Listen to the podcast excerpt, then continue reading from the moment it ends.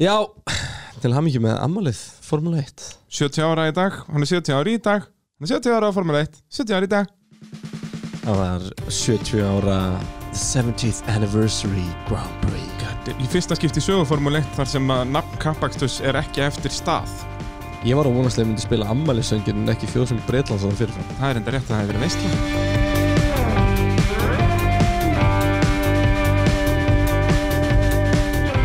Já, hann var heldur betur uh, kapastur um helgina og um, já, kapastur 2 á Silveston brautinni og um, hann fór heldur betur ekki eins og um, allir byggust við. Já, það er uh, í síðasta þetta ákvaða að breyta spátumkeppnin okkar að spá bara um fjórða til sjötta seti og þá loksins fer allt í rugglátt með í fyrsta til þriða. Hann fór hendur líka allt er í, í, í þar á bækvöld. Já, reyndar. Þetta er, við höfum ennþá ekki fengið leiðilega keppni í ár. Er það nokkuð, þú veist, Jó. síðasta Silveston keppni var leiðilega en síðustu 292 Já, sekundur var björguðinni. björguðinni. Þannig Hún að það var, var ekki hún var alveg leiðilega að fara að verða ógeðslega klassísk leðileg kefni. keppni. Jöp, en það bjargaðist. Síðan var, þú veist, kannski setni Austuríkiskeppnin var ekkert spes. En þá fengum við samt var alveg heldur ekkert Perez að- frábær. Nei, já, Ungarland, þó, jú, já, Ungverland var eiginlega verri en hún var seinna Austurríki. síst sko. Já, En ég meina fyrsta Austuríki svo skemmtileg. hún var geggjuð Báða Silveston kefna voru frábærar. yep.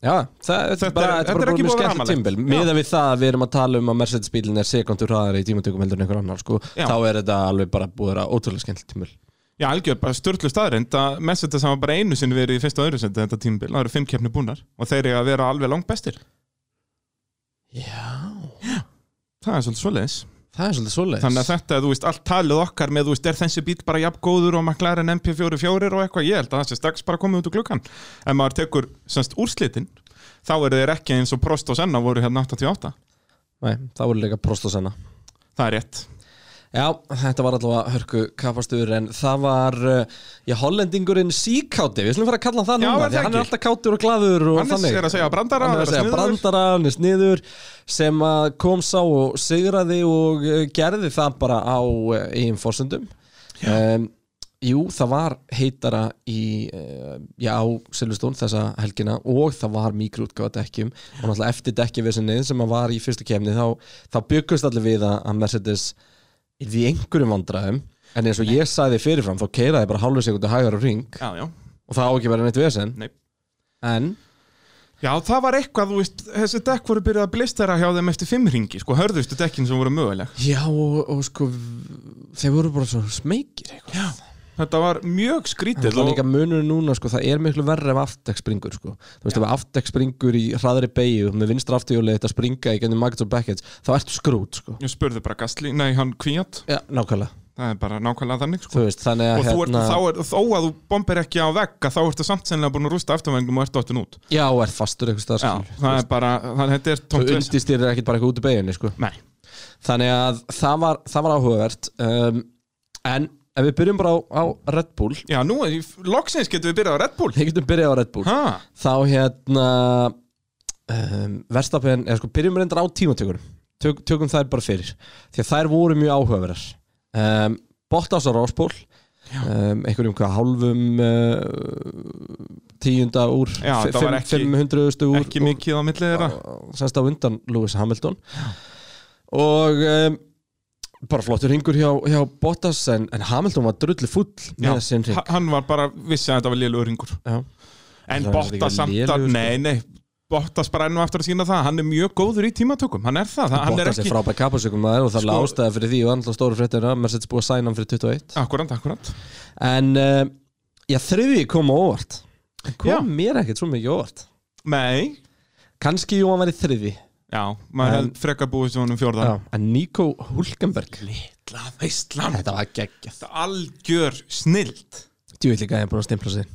Já, bara, ef hann fær ekki sæti 2021 það var bara eitthvað að ég, það það, var Grósjan fór Já, það sæti var- og ekki Hulkenberg Nákvæmlega, það var eitthvað að það var, það var eitthvað mikið það Hulkenberg uh, þriðji á Racing Point síndi raunveruleika bílinn Gat átkólifæði þar uh, Verstappen í fjórða Daniel Ricciardo fymti, Stroll sjötti, Gastli sjöndi Leclerc áttundi, Albon níundi og Norris tíundi og svo svona já, í öðrum fréttum þá var Fettel tólti, Sainz þrettandi Þannig að- Rækonin aftur síðastur Rækonin aftur síðastur Og Alfa Romeo í síðustu tveimur setunum Þú varst með skemmtilegan punktum með það Já, það er svolítið svoleiðis að í fyrstu keppni fyrir 70 árum síðan, að þá voru Alfa Romeo í fyrsta til fjórðasæti, Fyrsta, öðru, þriði og fjórða akkurat Þeir voru og með þeir ég held að þeir hafa Þeir verið voru, með þeir fimm voru, bara, bíla þeir voru eða ekki með eitthvað svoleiðis. front row lockout Þeir voru bara með bara front bara half lockout Akkurat, bara fremri helmingin af, af grittinu og nú voru þeir í síðustu tveim þannig að það verður ansi mikið breyst hjá þeim í- á síðustu 70 árum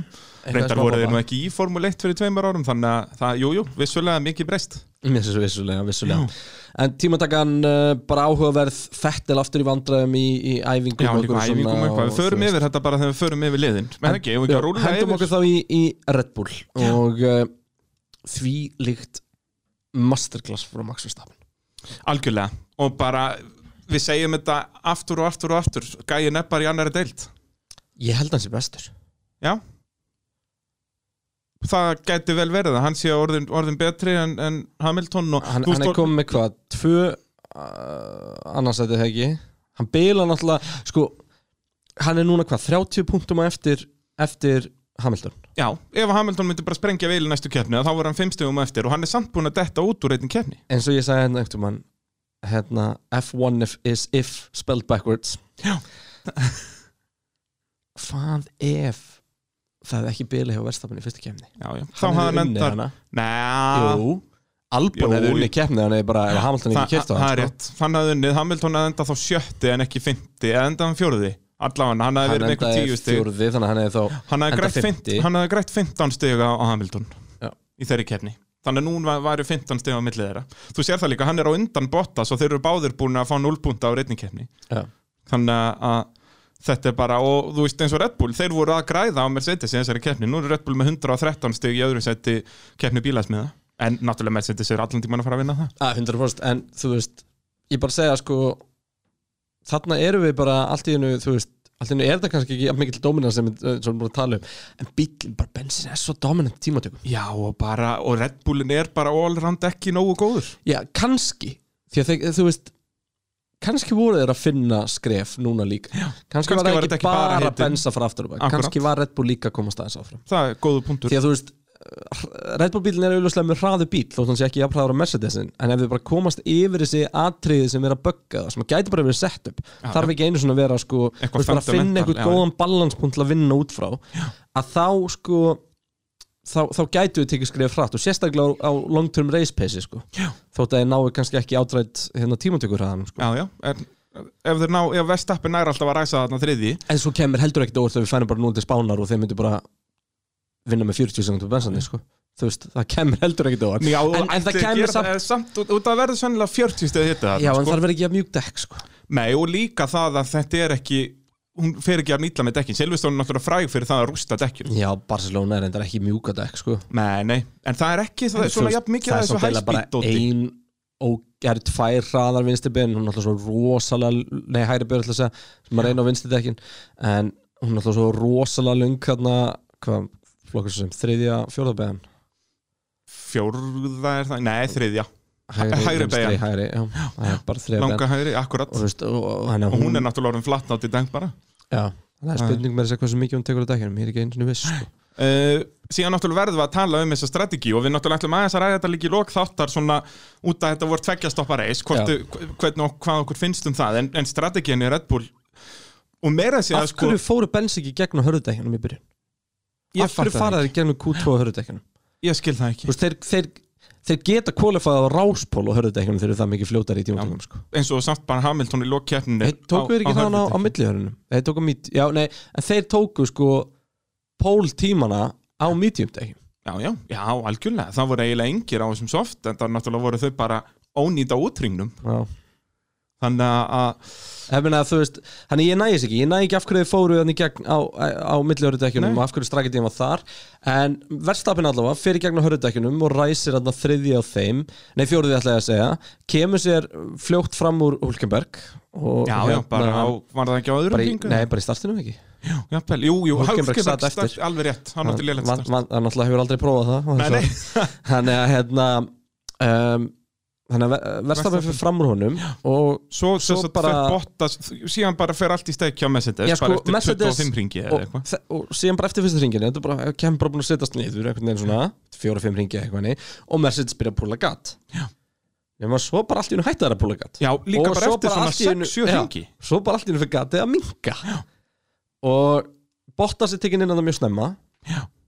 og, Já, og þarna við þurfum nú líka að ræða sko, hann Verstappen fær nú hérna skilabóð í, í talstöðinu um að, þú veist, ok, hann er byrjar að minka gappið hann er búin að ná þeim bara Já, þú veist, þetta er komin einu og hálf sek, eitthvað svo lesi Hamilton og þá fær hann skilabóð bara, heyrðu, nei, nú skaltu vera rólegur skulum- tæknir maður þáttanis, átt þetta Já, þetta, við skulum spila þetta match. I think we're a little bit close for tyres at this stage.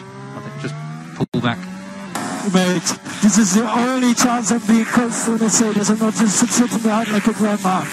Allt og gott, og hann er bara fúll þarna bara, nei, heyrðu, loksins getum við hérna, farið að keppa við Mercedes Og ég verð þá bara að ætla vera hérna. ég ekki að vera, nei, það er ekki Ég sjálf ætla ekki að vera með göngustaf hérna bara og, Akkúrat. og hérna, nei nei og bara geggjað, bara töff og ég meina versta með vissalega, hann var ekki, var ekki nein hægt að baka við hann sko, Nei, nei. engin þannig að, að hérna, og bara loksins var hann ekki bara að minna krúið á að að drekka vatn og eitthvað, hann sá bíl fyrir framann sig þannig passaði að, nú samt upp á það já, já, en þú veist, hann allavega sem sagt fer fram úr þeim hann í þjónustillífunum já þetta Sem er í rauninni sagt, án þannig þess að taka Bottas, þjónustuhlé. Bottas fer fyrstur inn og, Hamilton á og, eftir honum, já, og nokkrum rauninni- en, hringum en seinna. verðstappin er búin að taka fram úr Hamilton þegar Hamilton fer inn alveg rétt Já. þannig að sko og svo bara er verstafinn bara búin að pulla þannig gat á þá Já. að Já, hann átti næst, hann átti nú ekki alveg frýtt pitstop en það er líka eitt Þetta er sem mér næsti fannst frítt pitstop á já, þá. en það er það sem ég skil ekki við strategíuna hjá þeim við vorum að tala um hvað hann var frábær hjá Red Bull og auðvitað verðum það, þetta er runni kemna en af hverju var hann ekki bara lengur, hann var ekkert að kvarta við dekkjunum, hann var ennþá að geggjum tímum af hverju ekki bara fara hans lengur á þessum hörðudekkjum og bara vinna upp þetta pitstop út að fimm ringjum eftir að bensa sko, hann, hefði ekki, hann hefði ekki lent á bakvið Bottas fyrir utan það sem sagt, hann tapar Já, sekundu í stoppinu en hann hefði grætt þessa sekundu bara á næsta ring út að hann var það já, mikið já, hraður. en ég er að segja hann tapar sko, stoppið hans var 3,6 eða 3,7 já, já. En Þú þeir veist, hefðu og bara, bara getað eitthvað sem að gert gerist þetta ennþá aldrei hjá öruggara. Red Bull. Nei, nei.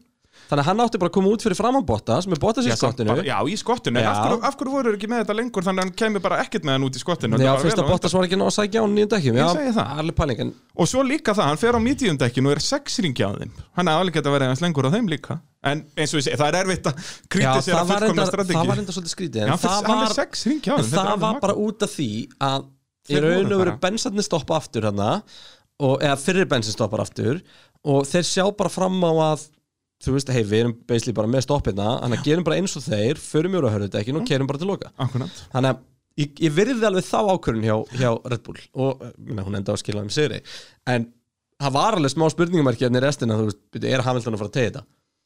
Já, ég meina ef reysan hefði verið kannski fimm ringum lengur og ef að Mercedes hefðu látið hann bara fara fram úr Bottas þú veist ekki fætan við hann og ef hann hefði ekki tapað einum auka ring við að vesenast að taka fram úr Klerk að þá hefði hann vel geta allavega verið komin upp að verið stappen stóri ef að nú hann hefði verið að Nei, nei, nei, að- nei, að taka ég er fram ekkert úr. ég er ekkert alveg það, ég er að segja sko Já, mennur, en Já, ef að en ma- Hamilton hefði ekki stoppað Nei, ef að Hamilton hefði bara náð að vinna upp þennan tíma og það var það geðvikislega hraður Já, en ef að Hamilton hefði ekki stoppað Já, já. Þar var mögulega sigumöðlingin Ég held að verðstapinu alltaf átt inni til þess að Já. berjast við Eða þú veist, um leið og það sást að Hamilton alltaf að sækja á hann þá hefði hann held ég geta bætt aðeins í Já, ég meina var gappið ekki komin nýrið einhverja 6 eða 7 sekundur þegar að Undir Hamilton fyrir restina. inn Jú, og ég held að verðstapinu hefði bara manns að það fullkomlega Já, Og já. það er eiginlega kórunast í því hvað hann er chillar við heinum radiomessage á síðasta hringarna en Nei, ertu með það líka já, spilum það. Já. All right, gap to Hamilton, nine seconds. TP, did you hydrate during the race? You must have some sweaty hands as well, so uh, don't forget to sanitize. Ó, þetta er alveg Hann er svo fyndin og sniður hann verð stappen Já, og svo labbar hann um pittin eftir það og spurja allar hvort þessi er búin að drekka og eitthvað svona til þess Hann að er svo vera vi- alveg vissum hann að er allir sem bara- hérna brandar hann. Hann var að fermast í gær bara og er bara, sjá, hlustuðu þið hvað ég er sniður Ég var að segja brandar í talstöðuna Erðu, er þú búin að drakka? Er þú, æ, strákar hættið þið Hann er En, bara en svona sko, bara það að vera með húmor á næst síðasta hring og þú Algjörlega. veit að fara að vinna Formule 1 keppni þú veist, hversu yfir er gæin orði? Já. Alveg bara, og eins og við töluðum um myndi í síðasta þætti hvað hann er búin að þroskast mikið sem ökumæður og geta þá líka verið, hann er bara með svona cool head að hann er bara, hann er alveg með En þetta segir mig líka að pressan hafa aldrei verið til staða frá Hamilton Nei, aldrei en allavega, þú veist, frábær keppni á Red Bull, frábær keppni á Verstappen um, En þá var að komið Alexander Albon eh, sko Þetta er erfitt Albon er farin að frustrera mig í drastl því að djövill getur verið gaman að horfa á hann en Já. djövill getur hann verið liðlega stundum Já, eð, þú veist, hann á bara ekki sest, Hann náttúrulega var geggjað þessa helgi að horfa á hann að taka fram úr alltaf á Já, ég, ég, mjög ég, ég, bjánalugum ég, vil- ég stöðum vil nefnilega aðeins tala um það já. því að sko já, þú ert að vinna þau upp, hann ræsir níundi, hann klárar 50, 50. og átti aldrei séðan síle klörk Nei, ald, aldrei breyk Og og, veist- þó alveg Klerk var bara one stop það er tíu sekundi, já þú er alltaf fáralt á hann að láta ganga við tökum Já, það hann þrjá var eftir dólandi bara en af hverju þú veist, hver einasti framúrækstu sem hann fór í var 50-50 sko. Þú veist, af hverju er hann að gera þetta svona erfitt fyrir sig Ég fatt þetta ekki af hverju býður hann ekki bara til næsta DRS eða eitthvað Já, já. hannig veist, hann er bara að vinna sig upp hægt og róla hann er ekki að fara að berast um velunarpall hann er ekki að gera neitt ok sem áhorunda fannst mér ógeðislega gaman að horfa á þessa framúrækstra en ef ég væri Kristján Horner þá væri ég bara svolítið pist Já. bara af hverju þetta setja hérna miljard króna bílinn og keppna þeina í hættu í hverju einustu, hverju einasta framúrækstu Framúrvöxt, ég segi það Þetta var alveg geggjað að horfa á þetta Og en þetta var er ekki alveg verðstappin að þurfa að ráðast að botta samstundis Nei, nei. til þess að geta hann, Hann var sem bara- var bæðið með ógslag velgert og ég glinda að minnast á hann en þetta, þetta er bara eitthvað, veist, fara fram úr sama. Hann var alltaf að taka fram úr Alfa þarna Tauri í, og í eitthvað. fröðu hægri beginni fyrir tvistikablan sem er bara stór hættilegt Já, ég menn af hverju beigð hann ekki eftir tvistikablanum og tók fram úr á, er það Wellington streitinni það ekki sem er eftir það, er það Nei, hang- Hangar Hangar Strait? Strait. Það er hangarstreit, já, taka fram úr þar eins og allir aðrir og bara geðu eitt safe Já. Þú veist, og þetta er eins og við erum nú líka hálfpartin byrjar að tala um Mercedes sinna og þetta er svolítið punktur eins og með Hamilton þegar hann er að taka framúlega klærk að þá gerir hann það ekki, hann var komin hans í nálattunum hann í í fyrstu tilraun hann var Á- bara að sigla Hangar öðru Strait. setinu heim en hann hugsaði, heyrðu nei, ég ætla ekki að reyna að dífa mér eitthvað innan á hann hérna og enda eins og bara vettel í fyrra að bomba aftan á hann og allt í steik, skilur, bara heyrðu verum rólegir í næjónum með næsta ring sem hann vissulega gerði, þetta er svolítið munurinn á til dæmis Albon og sexföldum heimsumstæða að, þú veist, það vantar en aðeins þetta er meiri ekki svona munurinn á aga. verðstappin albún Nei, alls ekki En, en svona, já, það vantar aðeins meira aga hann á Albon og eins og sið hann endar 39 sekundum á eftir Verstappen síðustu helgi þegar allir voru að drulli var hann endaði 27 á eftir honum en þá náttúrulega voru fleiri örgispílar og eitthvað Já, er náttúrulega þrír. aldrei hægt að bera það saman voru en, tveir en eða voru þrýr voru ekki þrýr, þrýr held ég og alveg í langan tíma en allavega, já, það er aldrei já, hægt að bera einn það alveg saman þokkalega sent í kemnin líka sko. en samt, 39 sekundur já, bara ekki búið það er bara ekki bóði, það er nákvæmlega þannig og þetta er líka ástæða fyrir því að að- eins og við mjög oft talaðum núna á þetta tímubil að að verðstappin er alltaf að berja eftir bensa neitt já. hann þarf að hafa albónan sem hann er bakkur alltaf Sko, til með, að einn- þeir hann er alltaf geti með einn á baku sér tilbúin að kýla sér sko. já, Þú veist. þú veist ef albón geti verið á okkur um bjánulögum strategíum þú veist, Ferrari gerir þetta alltaf með rækunin að bara halda honum úti eða láta hann koma inn á fynda ringa Já, greið, rækulegt en, já, en bara til að ruggla í Já, Mercedes fyrir utan bara þeir ruggluðu svo mikið í sjálfum sér oft Já, já, þeir eru náttúrulega voru bestir í því En hérna, í, í þá gömlu góðu daga Þegar Ferrari voru að berast á topnum Manstu eftir því segðu. En hérna, þetta er það sem Red Bull vantar og, og, En svo er það bara, er til einhver ökumæður Sem getur verið í þessu sætið þarna Þú veist, sem gæti Verið eitthvað betri Hulkenberg. Já, væri Hulkenberg Bara ekkert langt á eftir verðstappen Var Hulkenberg að setja Racing Point uh, Já, á, í þriðasæti og ég minna, við erum að tala um að Rikki Ardó sé einn af þeim Það bestu er eina Hulkenberg sem var- Albon þarf að gera Hann þarf að koma bílnum við hliðin á verðstafin á ráslinu Já, og eins og Og Hulkenberg ekki keyra var á hangaði hann í Rikki fyrstu Ardó beygju. hjá Runó og ef það Rikki Ardó ekki ekki að raukumar þá hlýtur Hulkenberg að vera það líka þannig að, já, það En er þú veist, allan að þetta, þú veist, að ég er að býða Ég er ekki að grínast, ég er að býða til að koma með Gasly Albon swap aftur sko. Já, Gasly en er bara búin að ég- sína sig það vel sko. ég held að það verði En Ég held, ég Það- held það að er það ekki séu rétt nokkra spurningur um Albon aftur sem bara taka þetta allt bara fyrir í Já, spurningar getum, getum gert það En Albon allavega, þú veist, stór skemmtilegt að horfa á hann en gjössanlega glóriljus keppni, kláraði 50 Þannig að eh, og sem er samt bara eh, besta hérna, úslit hjá honum í árið ekki að náða hann inn í fjórðasendinu sinni Já, náttúrulega að vinna í, á Red Bull Ringfist kemni en ég held að hann hafi verið fjóruði hvað hann varði ungverðarlandi eða eitthvað, Já, en, þú það veist, ekki. hann er alltaf bara nóver Já. greiði drengurinn, Þá tölum við um uh, Benz já, er það ekki og uh, það er lýsandi fyrir yfirbyrði Benz að Hamilton í lók keppnar búin að sprautakamparinu fór og tók fyrsta sættisbyggarn og labbaði í burtu og það var ekkert eitthvað til að fokka í verstafinn Nei, nei, það var bara vani Já, þetta var ekki eitthvað eitthva grín hjá honum þetta Hann var bara, ógeðslega fyndið Já, já, það er bara Þetta er líka smá svona tíkarstemmingin í Hamilton Bara að gera ráð fyrir að hann vann Eigum við að hendi í smá Hamilton hotnið Það er komið að Lewis Hamilton hotninu I miss my bitch. I'm missing my bitch. I'm missing my bitch. I miss my bitch. Þetta er náttúrulega indislegt sko.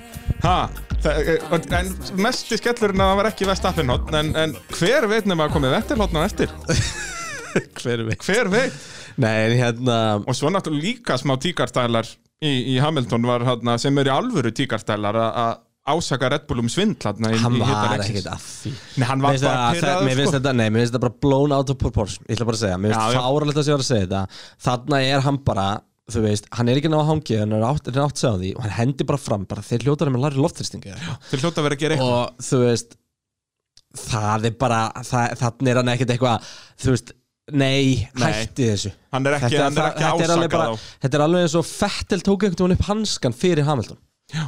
Þegar að Hamilton sagði eitthvað í radioið og Fettel bara, herri, þið verðið bara að muna að við erum að keira þarna, við erum að sko, riska lífinu okkar að keira þarna á 300 km hraða þótt að við segjum eitthvað við engineerin okkar, Já, já. þetta er eins og að lappa upp að gæja sem meðri liði í fótbolt og segja, tjúvill er þetta mikið fucking fáið þarna sem að tæklaði mig, en svo eftir þegar keppni er búin, eða leikurinn er búin þá takast menn bara í hendur og hlæja og segja bara tjúvill ástu góður, skilju, þú veist, þetta er ekki þetta er ekki þetta og Nei, og þarna þetta er bara, þú veist, hvað þetta er eru mjög þeir að góður gera punktur eins og með þetta Þetta er eins og að- í fótboltalið, þú ert að tala við leysfælegaðin Út af þetta er náttúrulega, manni líður þannig að þú ert bara í herbergi með engineerinu þín Já, Þetta er eins og bara sem við sem var að bara verið hlusta á að broadcasta því private conversation já, þú svo bara að broadcasta því public ég get alveg lofaði því að hlutinni sem að heyrðust þarna áður en að þetta fór úr í loftið sko, það var alveg ekki byrtinga hæft margt sko. Já, já og, um, Og þannig þetta, að en þetta hefði verið allt annað ef að Hamilton hefði hendt þessu bara á blaðamannafund sko. já, bara, eftir Heyrðu, já, kemna þeir bara hljóta heyri, það hafa verið verður að þarna með- skoða það og þetta er alveg bara þannig að, að hérna hann er nei, ég, ég ætla ekki að hlusta á þetta kjöfta Þú ert ekki sáttur með tíkarhóttnið að þessu sinni nei, mér finnst þetta mér finnst þetta ekki eh, Við heima bara, þar við, við, bara vonumst eftir betra tíkarhóttni næst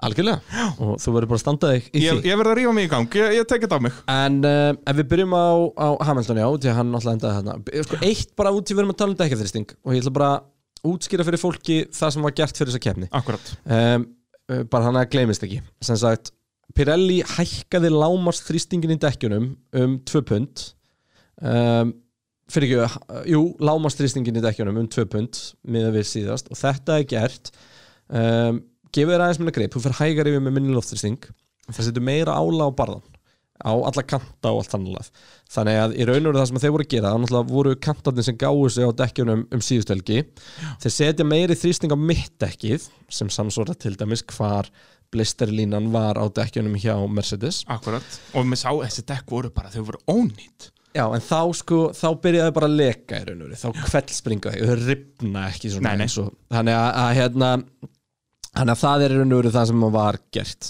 og uh, þetta leifið með endast aðeins lengur, sem betur við var ekki það mikið að dekkin fóru bara að endast alltaf að keppna en, en, en allavega um, en tölum það aðeins um, um Lewis Hamilton og, og við, ef við þurfum eiginlega að tala um bara Benz í samhengi Já, þetta því að það var svona stóri tókinpunkturinn eftir þetta er til dæmis bara hvað Bottas var fúll Já.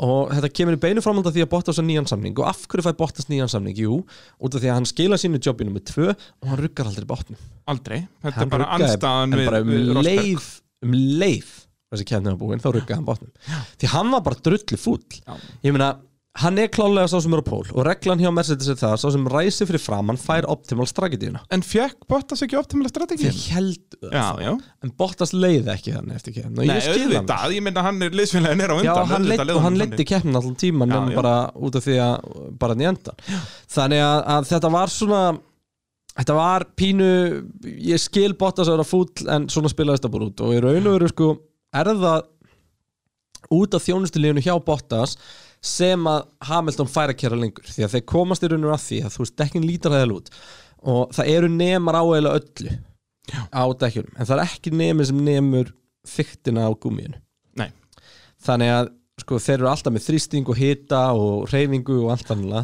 en þeir geta ekkit séð í raunum um þyktina á gúminu á gómínu og sjálf það sem er að gerast þarna er að náttúrulega bara á myndum að dæma þú lítið dekkin náttúrulega brút fyrir ónýtt ónýtt bara, svo það er kemist ekki með ógeðslegt. skoðun á þessu sko. Já, já, bara ef maður var að halda með einhverju maður, annarkvort Bottas eða Hamilton og var að horfa að keppna, þú varst bara skítandi á það allan tíman, bara út að Einmitt. þetta dekk er að fara að springa í næstu beig og það sem að gerist í raun og verið það svo kemur Bottas inn í hlið og þeir skoða dekki og það er bara hellingur eftir þeim það er bara ein ljót línaði en það er bara fullt eftir þeim þannig að þeir bara ákveða að taka séns- taka sjensin og þess vegna mitt voru þeir að halda Hamilton að núti út af því að þeir vissu hefstu bara að þetta verið leið þetta lítur hræðil út en dekki er í læg og eins og þeir voru að segja alltaf í reytíónu við hann að- að bara, heyrðu, þetta er í þetta er læg bara svolítið svona eins og að horfa á þig Þetta er nákvæmlega svolítið, ég er alveg í lægi þó ég sé ekkert svo fallegur bara snýður í hjartað ég var svolítið að bjóða upp á þetta, ég veit ekki Já, ég alveg bara gass með þennan Já, já, en nei, svona í, í þannig að, að það er raun og verið spila á þessu það var ekki það að þeir væri að henda bara Bottas undir útuna eða eitthvað álíka nei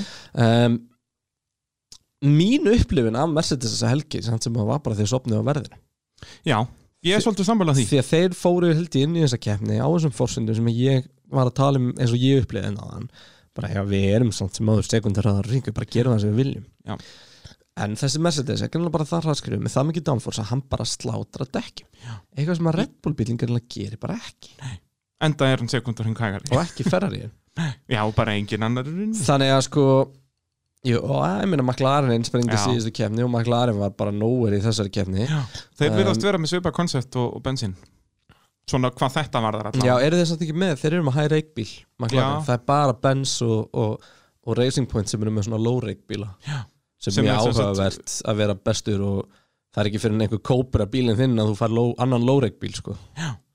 Útskýru það nú aðeins fyrir hvað þú ert að segja þetta er raun og veru bara, þar er, er hann e, svona eila flatur Já, hann er ekki með raskatið upp, Já. basically og þetta bara er, þetta er allt annað er og koncept bara, Já. hvernig það virkar þannig Voru að ekki þú veist- Red Bull fyrst með þetta alveg super Jú. hægveik dæmi Svo Og það Red er Bull fór í unni Super High-Reg á sama tíma og þeir farið í sko Blond Diffuser í raun og veru. Akkurat, akkurat og þetta er bara svolítið svona newy concept sko Já, þetta er bara raunin, að reyna að búa til þetta ground effect Þó að þú Já. sért ekki með ground effect akkurat Að að reyna að hafa reik þannig að, að sko þetta, var- þetta er þetta er, uh, þetta, þetta er áhugavert allavega og hérna en uh, En- já, en- það var bara mín upplifun að Benz hefur bara svolítið Já. sopnað á verðinum, þeir voru bara með þetta í vasanum og, og kannski bara, eð, bara elga Og það er náttúrulega sko, Benz er alveg örugir Þeir verða mestar bílasniða sko. já, og örglökumann líka Já, en, en svo er náttúrulega núna komin hörku slagur í, í móti sem allir er að fylgjast með sem er Hamilton á móti Red Bull út að nú er Hamilton bara með 107 stig og Red Bull 113 já Þannig að Red Bull það er- leiðir Já, Red Bull með 60 á Já, fórustu þannig að þetta ok. verður áhugavert í sumar Ok. Hvor nær að vera betri, Red Bull eh, Formule 1 liðið eða Lewis Hamilton En Toto Wolff sagði eftir kemna að þetta er enginn að vera hrættar við Mercedes heldur en þegar þeir Já. eru búin að tapa Þetta er svolítið, þeir verður eru bara áhugavert. úlfar eins og eh, Tóta og okkar Já, já, og ég meina og þetta er kannski bara lið sem eru ofandi að vinna og of- auðveldlega allt og oft þannig að- að hérna, kannski bara, einmitt Fá smá spark í rassinn. staðar og, og ef við myndum hefum kert þess að kemna aftur daginn eftir í nákvæmlega aðstæðum og segja að Mercedes hefur brunnið sko en, en, en Red Bull voru hann að mættir til þess að taka í raun og veru af þeim og hrifsa daginn hann og, Já, bara eins og hann, uh, Horner sagði, eins og ég myndist á hann síðast á þetta, Horner sagði þetta eftir síðustu keppna, að það verið heitar næstu helgi og mikri dekk, Benz verið vandræðin. og, Já, ég, ég held sko það vissu það allir Já, en ek- kannski, já, en bara ekki svona Ekki mikið svona mikið, ekki eins og þannig að þú Vestapen talaðir um í bara síðasta myndi þætti. vinna bara on merit sko. já, og líka bara öruglega. Þú veist, þetta var aldrei einhvern veginn í einhvern Nei. hættu. Sem er- bara Vestapen átti þess að kemna Já, og eins og ég segið, mér fannst strategíin hjá þeim ekkert eitthvað outstanding og hann var samt bara með þetta í vasanum. Þannig þetta að, er, þetta er áhuga ja, strategíin náttúrulega, það sem er outstanding við henn er að hann ræsir að hörðu dekkjónum. Já. sem maður bara held að Benz myndi gera líka ég, eins og við vorum talað með hann ég skil ekki af hverju þeir gerðu það ekki þá er komið að Ferrari og Heldur þar betur. var uh, Chelsea Clerk enn og aftur að lauma sér upplistan, náði ekki að lauma sér inn á velunapallin í þetta skiptið Nei, en laumaði sér uh, já, bara jafn hátt og mögulega hægt var já, í fjóra sæti og bara frábært því, geggjuð keppni því lík keppni og gæðinu og þú veist, ef við erum að tala um að Verstappen er bestur þú veist, verður maður ekki nefnilega klerk í, í á sama máli í raun, þú veist, miða við Nei, Annað- fyrir, annað hvort mér er er þetta hann ennþá, geggjuð- fyrir, fyrir mér er þetta ennþá Verstapin og Hamilton Bestir er Vettel þá bara svona geðveitt lélugur Nei, við, við, það kemur Sebastian Vettel á Það kemur Sebastian Vettelot Það er En, bara, Nei, Fettel er það ekki, en bara Ferrari eru í rugglinu gagvatónum já Þú veist, og ég er ekkert eitthvað að segja "Ó, það er allir vondið við Fettel, það er ekki það sem ég er að segja hann er líka skýta sko Já. en þetta er bara orðin, þetta, þetta er bara hægt að vera skita þetta er bara einhver shit storm sko Já, bara, þetta er bara grín sko. En, En- byrjum á Leclerc já og þú veist, og, en það er lítið sem ekkert að segja um Nei, nei, Leclerc sko, bara- þú veist, hann bara einhvern veginn svona bara, Hann er bara var geggjaður. undir ratarnum alla keppna, vann sig upp uh, náttúrulega fín, þú, nei þú veist ekki þenni fín tímatökum, hann var áttundi Já, tímatökum hann var verri í en tímatökum hann núna en let síðast. one stop straketíu ganga, stoppaði einu sinni sem var bara alveg magnað Já, og það- bara geggja Byrjunin á reysunni er það góð hjá honum að Hann getur einhvern veginn, allur setnipartin reysunni Var hann bara dólandi í raun rosa þægilegu bara Já, bara alveg á algjöru dóli og, og þess vegna nær hann að láta þetta virka að- að stoppa bara einu sinni en, en það er eins og ég segi, út af því að hann var já, bara að dóla en, en það líka skilaði sér hann var samt ekki að dóla Nei, ekkert þannig, hann bara hann er það bara manetsaði þessu verið mjög vel jetin af albúrun og flerum sko. Já, já, en, en náða manetsaði þetta en það annáttu líka segir eitt að hann er, Leclerc er fjórði út að Albon er fymti, ég menna, og Albon er búin að vera agalegur í sumar Já. þannig að- að, en er ekki bara komið að þessu eða? og okkar manni Sebastian, ég er náttúrulega búin að vera sko sveittur í stúdíónu bara í, í allan morgun og, og fyrsta sko Vettel er búin að steppa upp his game, hann er núna að snúa svo gott sem í öðru hverju reysi, hann er að ná í, þessu í svona 50% þá þurft ég náttúrulega að steppa upp minn game líka og er búin að hendi trailer fyrir Sebastian Vettel hodnið Hvað er með það? Jabba-dabba-dee! Ring, diggy, ding, ding, ding, ding. Pitturinn kynnir Var formúl 1 um helgina Sebastian I was really scared. Æ, er hann ekki bara bölvið tussa? Æ, nei, hann er svo elskulegur Come on, Sebastian and Nita, give him the space. This is silly, Seb. Come on. Sebastian Vettel hodnið Sebastian Vettel, you are the world champion. Thank you, I love you. Já, döfum mínur og herrar, það er komið að Sebastian Vettel hodnin Þú ert ekki lægi Þú skil ekki, þú vildir ekki lega bara heyra þetta fyrir fram Oh my god Það er maður hérna sem Hefur mótorinn ekkert að gera í grátandi. lífinu eða? Nei, nei, ég mætti hérna bara kljóðan átt í morgun Það er bara búin að vera busy Wow, Þetta er, þetta er dásamlegt oh my god Og sko, mér líður, mér líður svona Þú veist, eins og þetta séu eitthvað einelti á Fettel sko Og Já, hann- Fettel, Fettel þetta er eins var og- alltaf upp á sögumæður minn Bara svona áður en ég þurfti að byrja að setja á mig hlutlösugrinuna sko Já, Ég var þetta við mikill- erum mígandi mikill á Vettel skítandi Red Bull mann maður, sko. Það er svoleiðis, við erum mígandi á skítandi mann Það- Þetta er eins og að vera á þjóðatíð og opna kamara, þannig að situr ungur maður og þú pissar á hann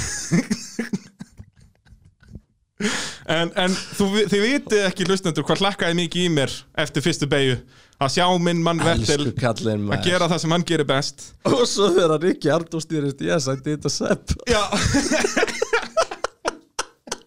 Það reyndar, það reyndar var dýbri útskýring á því hjá Ríkjardó Já, Nú, en hérna, ég skal taka það Já, eftir við en- tökum það á en- eftir bara. En elsku Fettel kallinn maður þetta er bara og, og, sko, þetta Geggjur er orðið æsing, búin að náli Já. klörka það Og bara, bara bing bara bing og þú veist, jú, jú, hann er ofan á körpinu og allt þetta, en guðum minn djúvill almáttugur. þessi bíl óstabil þá já, Þetta er og ekki það flókin bílinn í beygja, fyrra sko. og ég hitti fyrra Já, nei, þetta var versta já, spil ég sem veit var að í þetta var það sko. Þetta- en líka sænt helvíti heppin að hann er næstu í farnum Wow. wow. út að hann næra því. stíð Hvaða viðbröð voru þetta? þetta var magnað sko.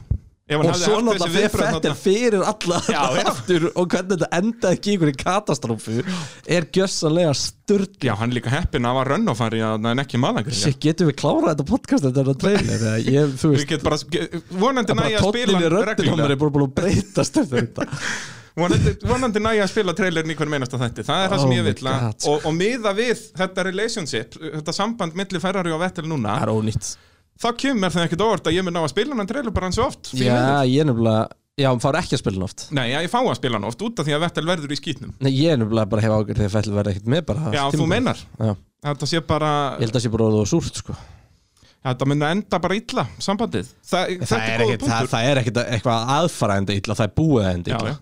og, og Þú veist, hérna, við Binotto skrifuðum þetta í skjalið kemur, okkar. hérna. kemur eftir reysi og ætlar að tala við fellu, hann fær ekki svona svar Nei. Svo engineerinn hans fatta og til þess að stoppa óþæglu þögnuna byrja bara að lesa upp hvernig keppnin fór Já, menn þetta er annað skipti sem þetta gerist Í síðustu helgi þurfti engineerin að koma radio radio check check Radio on Það er, við höfum oft verið að- að spila hérna úr radio hérna hjá aukumennum að ef við myndum spila hérna frá Vettel myndi að hljóma cirka svona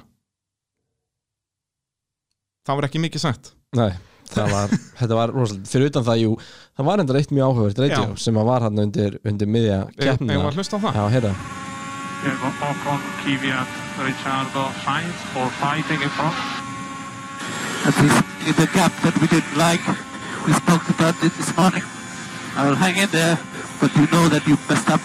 þarna er hann bóstalega að kenna liðinu um Já Hann er Þegar samt búinn að spinna í fyrstu byrju sko, Já. ætlum ekki að glemma því En, ég skil hann samt þarna ja, hann er Þetta er bara- nákvæmlega bara... saman að gera í síðustu helgi og þeir, hann var búinn að fara á fund þeir með eru liðinu bara hendurum eins og kemur ækon Já. bara gera eitthvað En þú veist, eins og ég segi, þegar þú ert búinn að gera í degi eða haltu höstónu þínu já, já, ég er alveg sammála því, hann er bara orðin svo fúll hann finnst það bara svo, ég held, ég held nefnilega fettilegar tilfinningamæður sko Alveg Algjörlega, pottþétt. við höfum ég, held séð að- það. ég held hann sé sár út í verri sko ég held honum líði, bara heyrðu, ég mætti hérna ég gaf ykkur allt sem hann gerði svo Algjör, sannarlega Hann setti Ferrari á bara annað level dedikataði öllum mínum tíma, effort og resursum og þið bara trítið um eins og svona í endan þú veist, ég var bara eitthvað fucking innóta tuska sko. þannig að erfitt, klálega en, uh, þú En- veist, en það er ekkert bara eitthvað ef við hægt að hendum taka upp spurningunni hanskan fram. fyrir, upp fyrir fettil eftir þessa keppni því að hann náttúrulega bara klúraði henni sjálfur í byrjun en, en strakkið hann var í ruglinu Já, en ég meina, hefðu þeir ekki geta haft einhver aðeins fleiri möguleika á strategíu ef hann hafði verið ekki í hefði 17. kannski, sæti hefði þarna? kannski getað látið að one-stoppa henni svo lukklark Eitthvað, uh, hérna, ef við hendum mér þessu spurningu mun Vettel klára sísónu með Ferrari? ég get ekki svaraði Mér finnst allan að magna að við síðan að ræða Þú veist, ef þú hefði Sko. spurt mig fyrir tveimur keppnum síðan hafði ég að fara að hlæja að þér ef að Carlos Sainz væri ekki samningsbundin akkurat Já, en ég menn núna af hverju ekki bara henda hölkinum í Ferrarin Nei, það er aldrei að fara að gerast Þeir eru Ekki? aldrei að fara að taka um gæja fyrir nokkra keppni sko. Nei en, en, en, en samt, þú veist, ef þetta heldur svona áfram með Vettel bara disrespektið á þessu level þú veist, og eins og Benotto á bara hérna við fjölmiðla eftir keppni þú veist, var verið að spyrja út í þetta út að Vettel var, með, hérna, var að segja þetta í radióinu að strategíin hafi verið hrikaleg og spyrja Benotto hérna af hverju voruð þið með þessa strategíu og eitthvað og, og basically svaraði hann bara já, þetta spinn var nú ekki til að hjálpa okkur Já, hann er þetta bara eitthvað hann Þú er að drulla byrjaðir tilbaka já, Þú ég segi byrjaðir. það, þetta, er bara, þetta er eins toxic og að verður Já, þetta er bara ónýtt sko. Þannig að Hver er varaðkumunni verður í ár? það er náttúrulega Jóvar Ratsið bara hjá Ferrar, nei hjá Alfa þannig að það myndi ekki einu sinni ganga að henda honum inn og þá þarf það að henda einhverjum inn í Alfa Já, það var alveg hægt henda, Þa, Það er hölk- miklu henda hölkaranum í Nei, Alfa þá myndum við bara kippa upp uh, einhverjum uh, sko. Bara form, mikkaranum formúlu eða 2-gauður sem að væri kop- Ég veit þetta ekki hverjir þeim eru konum með superlicense nei, svo náttúrulega þarf það líka Já, þannig að hérna maður sjá þeir eru með uh, fjóra test og varugum með þeir eru með Giovinazzi svo eru með tvo sem ég veit ekkert hverju eru Antonio Fuocho og Davide Rigon það er vantlega gæða sem bara kera herminn hér og svo eru þeir með Pascal Börlein Já, þannig að þeir eru með nei, verðlæn alveg þeir eru ekki með þeir eru ekki með neitt til að spila úr þarna sko Nei. Ég veit að það er gaman ef að Kimi Rækonin væri svona youth driver hjá þeim Þannig að Þetta Já, er, nei, já, og bara svolítið skíturinn að hitta að fara í viftuna hjá, hjá, hjá Ferrari og Vettel já það er svolítið þannig, það er ekki mikið uh, við það að bæta svo sem nema náttúrulega núna eru Ferrari komin upp í þriðasetti í mótinu þeir eru komin á undan uh, hérna Runo og Racing Point og ja, aðalega McLaren, McLaren voru hann í þriðja en þeir kveldskýt í degið núna þannig að þeir eru í Ferrari í þriðasetti með 55 stygg, það er nú eitthvað sem að maður kannski bjóst ekki við eftir Austuríki Nei, það er alveg rétt Það er alveg, og, og í rauninni ef alveg Klerk heldur svona áfram að þá geti það vel verið að, að þeir bara ná að halda sér hann en McLaren hljóta kom eitthvað tilbaka og náttúrulega Racing Point eru, þú veist Racing Point fengur fleiri stig en þeir í þessari keppni sko. En mér finnst komin áhugaverð pæling og bara út í að þú veist, það er ekkert að tala um þessari keppnin en við tölum bara um ferri í hild Já. Það er komin áhugaverð pæling bara, þú veist, getur verið að sé bara eitthvað að bílnum hans fettil getur verið að smíðin það bara eitthvað farið úrskeiðis bara á hans bíl bara hans bíl Það hefur alveg gæst áður sko Já, Það- ok. Það hefur verið skipt um sjassi og þá byrjaði bílinn að virka en það geti þann Þú verið, veist út að að- hann er alveg bara Ah. hann er bara, þú veist og, og Aga. málið er það, það er svo, það er svo áhugavert líka sko Fettel er gæðin sem aðlagast og finnur lausnir Fettel á frábæri breytilegum aðstæðum þú veist, og svona hlutir áður fyrr en bara sama hvað hann reynir að gera og hvernig hann reynir að vera nærleg klörk og gera hlutina eins og klörk eða eitthvað álíka Já. hann bara virkar ekki og þú veist og það var mjög svona innlægur Fettel sem svaraði bara fyrir kemna ég bara ég skildi ekki, þú veist, sama hvað ég breyti það bara gerist batnar ekki ekkert En svo náttúrulega ofan á þetta, hann hefur átt náttúrulega ræðilega núna síðustu tvær helgar alltaf eitthvað vesen í, í, á æfingum, þú veist Já, eins og en þú núna veist, þetta var sprengt hann samt vel á þá sko æfingu fymta sessjoni, þessi keppni, nei fymta, nei, nei, þetta var það er fimm sessjoni einni helgi, þetta var, þetta var Það var tíunda tíu- sessjoni já, já, það er svo sem alveg á rétt Silverstone, sem er reyndar ekki braut sem hann er aldrei, hann er aldrei verið góður, á, sko en, já, Já, hann vann hann fyrir þreim, þreim árum en hann hefur samt aldrei verið eitthvað sérstaklega Nei, nei. góður á Silverstone, sko Þú veist, hann er að Þetta er flókið og ég veit ekki hver er í gangi og hérna, En ég meina hann er líka alveg þannig að ef að bílinn er ekki smíðaður fyrir hann Við tölum svolítið um þetta bara í uppbytun og þáttunum hérna Ef bílinn er ekki smíðaður fyrir hann að þá bara gerir hann ekki Þetta er eins og Ja. bara Rikki Ardó þegar hann kom til Red Bull og nýju hybrid bílarnir komu og Vettel gæti ekki neitt Ah. ég, ég bara ég, ég veit ekki hverju ég á að svara þannig þetta er bara, þetta, þetta ferri lið og eitt er risastórt spurningamerki í mínum huga Já, Og- spurði ég, þetta er náttúrulega bara Já, Þetta er allavega- agalegt. Þetta er allavega sko ekkert að batna fyrir Fettel en Leclerc heldur áfram að toga uh, öll stíg og meira en það sem hægt er að toga út úr þessum bíl Já, þetta er bara hvo- hvo- Hvor myndur að segja að væri lengra bíl á milli ef við tölum í leinsfélaga Vettel eða Leclerc eða Albon og, og Verstappen Alveg bara verðstofun Já, ég er eiginlega sammála því Alveg 100% Það er, Vettel er ekki það agalegu Gefum Fettel Barcelona og tökum, tökum nýtt Sebastian Fettel og þá ef Já. hann snýst hann, hann ætti ekki að snúast í næstu keppni Nei, samkvæmt- það er samkvæmt erfitt. öllu. Og hérna En hann aldrei að gerir vita ótrúlegustu hluti Aldrei að vita drengurinn mag- magnaður ykkur maður Herðu, Racing Point Áhugavert, áhugavert uh, Þeir loksins Hvort þetta byrja á keppni eða, eða Við rugli? byrjum á, á ruggli, eða sérst fyrir keppni Já, það var alveg rugl fyrir keppni því á föstudaginn, uh, föstudaginnum kom fram, nei á fymtudaginnum, á fymtudaginnum Fimmtudegi. eða föstudaginnum kom uh, niðurstaða Run og Kjærnur og það kom í ljós að uh, aftur breykdöktin, ég á ekki íslenskt orðið fyrir þetta bremsu, bremsus- kæli, inlets, downforce Kanski bara bremsu skál Þó að þetta sé náttúrulega ekki bremsu skál ja, bremsu borðarnir í bíl uh, Nei, borðarnir, þegar það eru eins og klossar í diskabremsum sko. Já, en Bremsu þú tala um- skálin Þetta er það var sem ekki eru alltaf að utan tala af um þessu. bremsuskál eh, og bremsu borða Jú, jú, jú.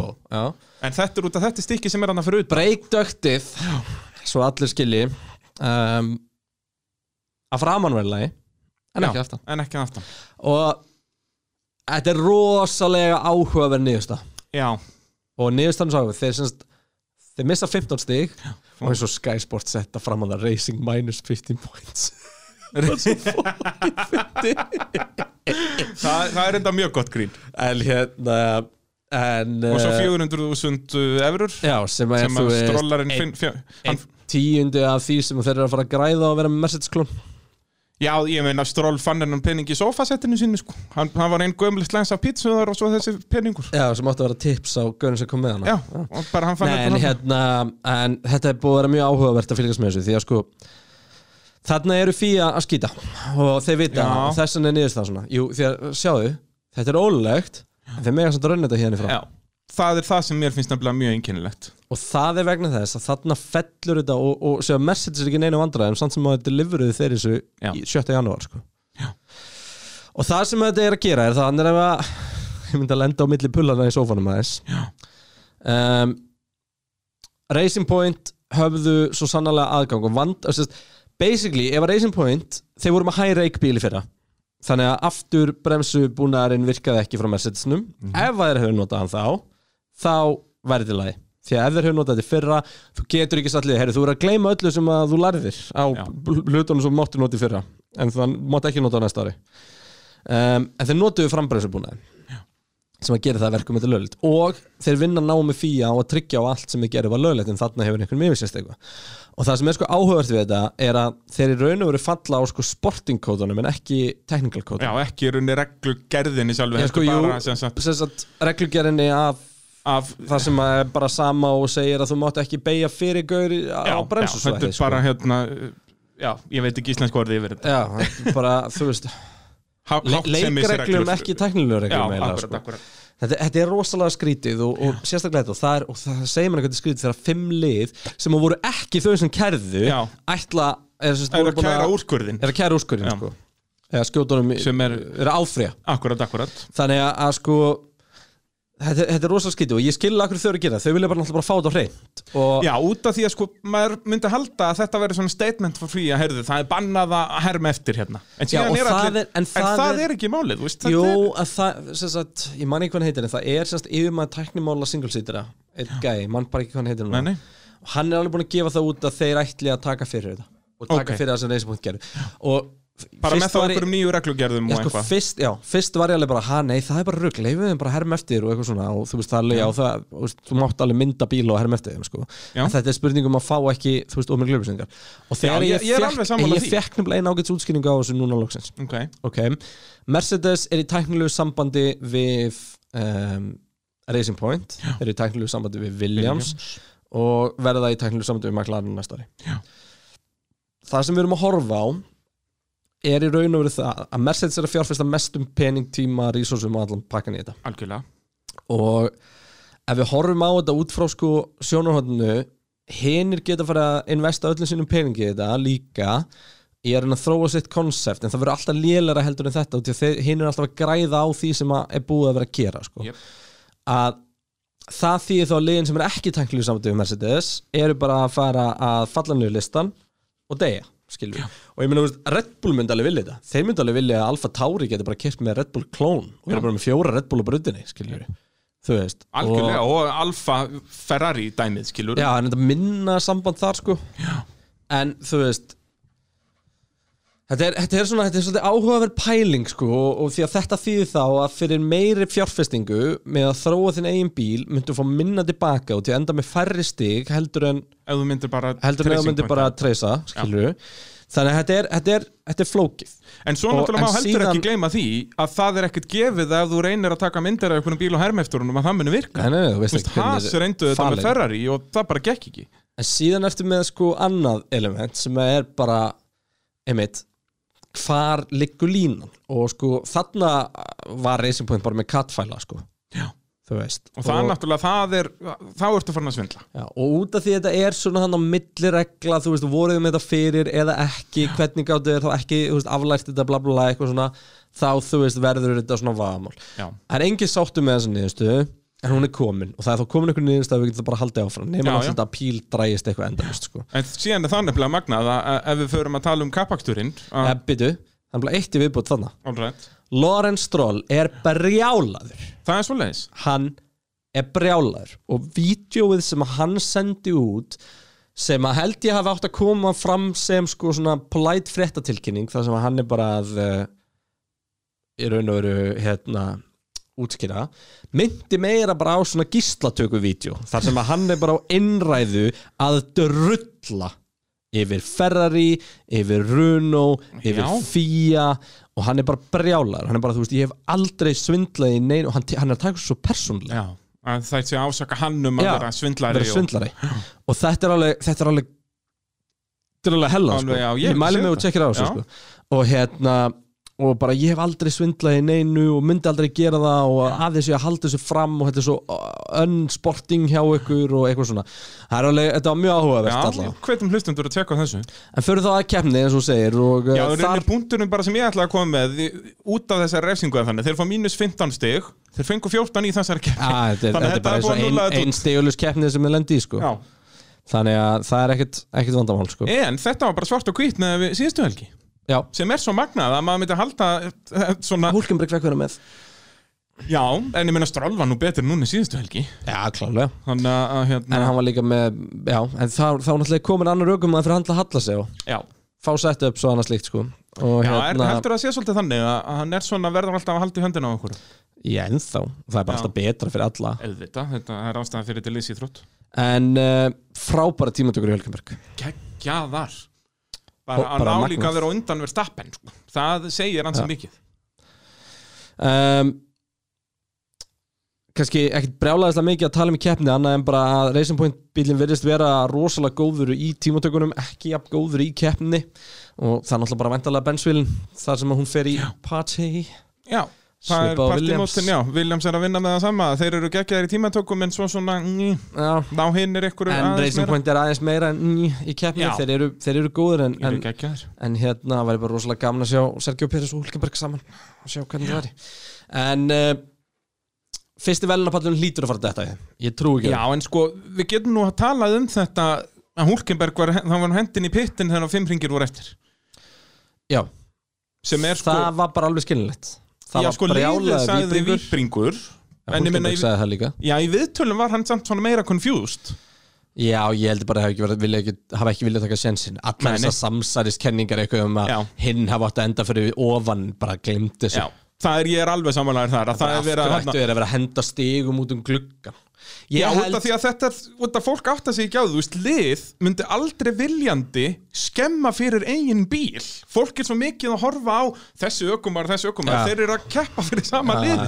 sko ég held að það sem að þeir hafi faktorinn að það var uh, stról fyrir upp með eitt sæti þeir missa, þá, þá fara eitt stíð tilbaka Já, já, Hulkenberg dettur niður um tvö þeir missa þá, tv- eru þú konin í mínus eitt stík jöp, Hulkenberg fær mjúkdekk ásettar hraðastarhingi þegar enda á pari og báði bílinni klárkjörn akkurat. Og eina sem röglega því var bara Hamilton út að hann var bara í annari deilt hann. svo bara kom Hamilton og gerði það sama basically nema bara á, Á hörðu 20, 20 dekkjunum meira að segja. Mercedesnum en ekki 20-90 Mercedesnum Já, og þó hann hafði verið það sko kvítutekjunum, hann var ekki einu Þau svona voru bara mítið. svona, ég líka skildi ekki alveg okkur Hulkenberg fór á mjúkudegin Nei, ég hann fatta hlýtur það eiginlega bara ekki að hafa átt ganga hinnum Já, ég held að hann hafi bara átt notuð já, mítið. það hefur verið eitthvað þannig sko. þannig að hérna en það, veist, það var náttúrulega engin press á bakvið hann heldur sko. hann þurfti bara Nei, nei, nei, nei, og, og Hvað, hann líka sko klárar- fyrir þá sem eru með þessa að klára samsæðiskenningar. tíu sekundum undan okkur sko. Já, nákvæmlega. Og fyrir þá sem eru með samsæðiskenningarnar, að ef að þetta var þannig, ef að Lorenz Stroll var bara, er, var aðal taktíkum aðurinn hann á bakvið, þá höfðu þeir að sálsögðu bara látið Hulkeberg hæja á sér og látið Stroll taka fram úr. Nei, nei, það var auðlust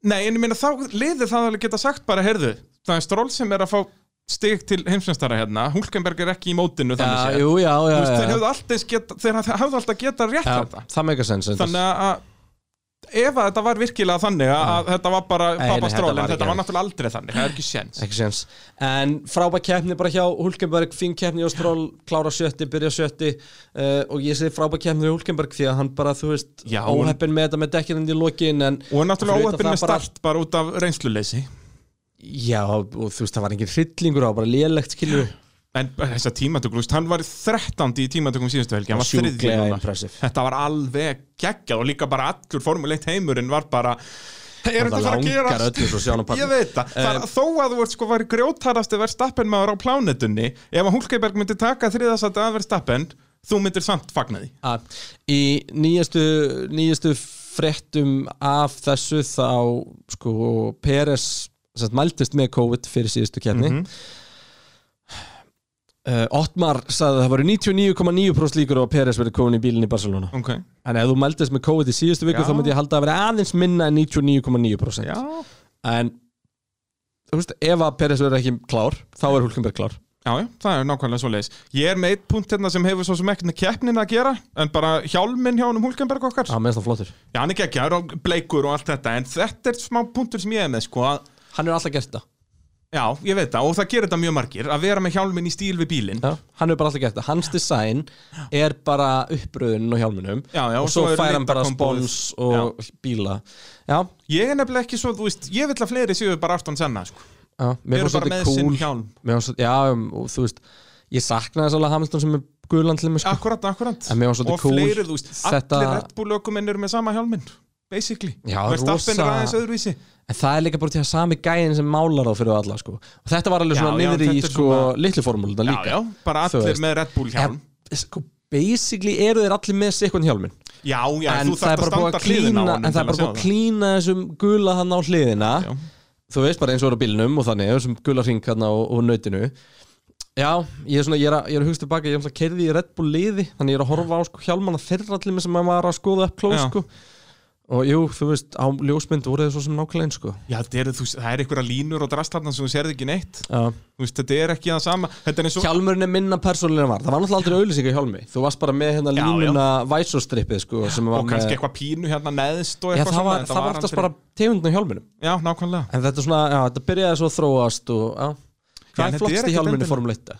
Sko Rikki Ardóum er náttúrulega alveg personal Já, það er rétt, hann er töff En svo finnst mér sko Hjalma tískan vera svo eins Já, þetta er, það er Svolítið eitthvað svona Williams livery tíska einhver sko Já, nema náttúrulega, síðan- Rikki Ardó brýtur það alveg upp Hann er með alveg svona bara eitthvað rugl, sko. Já, já sem mér finnst samt ekkert endilega eitthvað töff eða eina sem er töff við það er að Já. það er öðruvísi Norris Hjalmurinn í fyrsta silvestum hann var geggjaður Norri S En hérna þetta er góð pæling sko. ég náttúrulega held með Ég, Hamilton ég er mikill þannig að- Hjalma perri sko já, já, og Ég það er eru það rosa margir gaman af flottum hjálmum sko.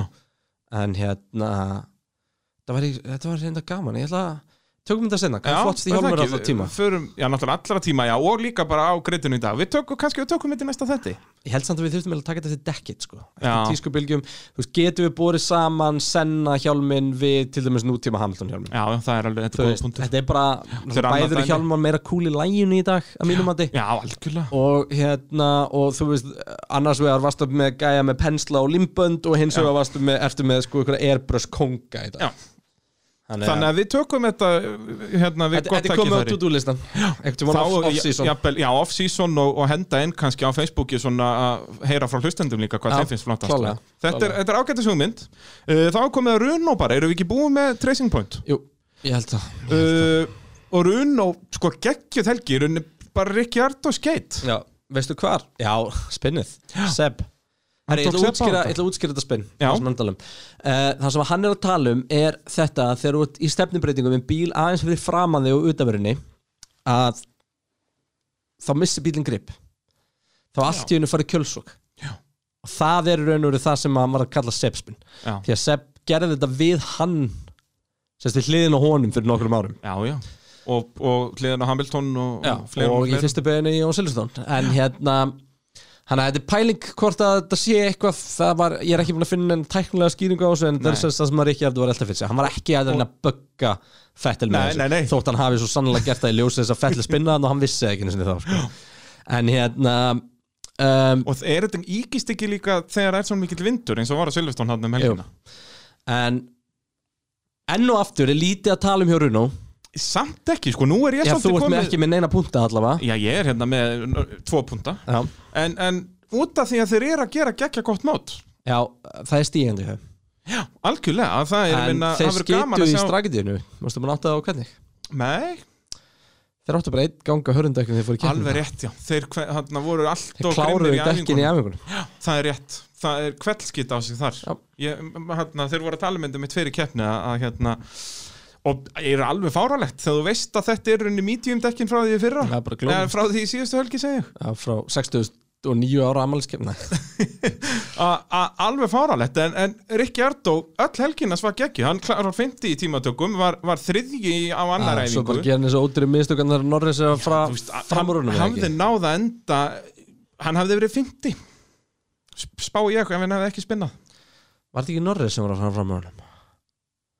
Eftir eitthvað Man, þetta ekki. þjónustilni geti verið, en hann var bara svo hraður Já en Já, hann lítur endar vel út. áttundi og áhugavert þetta sko það sem að gerðist í raun og veru kannski aðeins að, að minnast á það að sko Ferrari í fyrri kefni mættu með low downforce bíl Sest, já, og breyttu er ég bara glemdi bara að minnast á þetta með Mercedes Mercedes voru með low drag bíl núna sko já, svo leið þeir gjör breyttu aerosettupin á milli kefna til þess að fara betur með dekkin og það gerði það margir það er magnað Já, þess vegna líka fengum við svona svartkvítar Já, keppir að þetta þannig var að, bara að þannig varstu bara, ég segi ekki monsaspekk sko, en, Nei, nei, en en- þú veist, ef þú bara sko myndin á afturvegnum þá er hann já, bara, maður sér bara þetta sérstaklega afturveginn sentimentur minni sko. Benz voru í fyrstu keppni með svona lag á honum í rauninni, Já. Þar, hann fór niður í miðjunni Já. og nú voru þeir bara með beinan Já.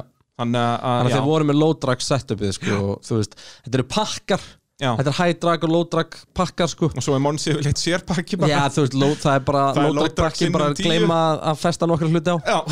þannig að hérna, það var ekkert maður reyndi í formule 3 að taka plötuna úr afturvegnum alveg rétt það er náttúrulega bara störtla dæmi sko. Ah, ég prófaði meina- þú það einhvern tímann? já, bannað, þetta var Nú, fyrir minn ok. tíma Já. en hérna, þetta var reynd sko. já, ég minna það er Jokken Rind og ég minna að þú veist hann er bara flatur sko. já, já, Þú veist, hann er bara flatur, þarna, þú veist, þetta er bara plata sem er þarna bara til að vera bara þarna, til að sko. vera þarna þeir náttúrulega þetta var ennþá íktara hérna inn í 70s í Formule 1 að, sest, svona deyr Jokken Rind á Monsa að þá tók þér afturvangin af bílnum og Ah. hann bara fyrir út af í parabolika og brýtur báða lappindar af sér og, og drefst Já. að að það er bara, já, þetta er, þetta er svolítið ruglað en uh, já, já, run og það er stígandi hjá þeim og verður bara gaman að fylgjast með þeim Já, bara slagnum þar Mér á finnst milli og- Okkon og- bara og ekki McLaren. nógu samfærandi Nei, sko. Hann er bara ekki nógu góður hann er ekki samt alveg á einhver albúnleveli Nei, sko. hann, er bara, hann verður ekki number one sko.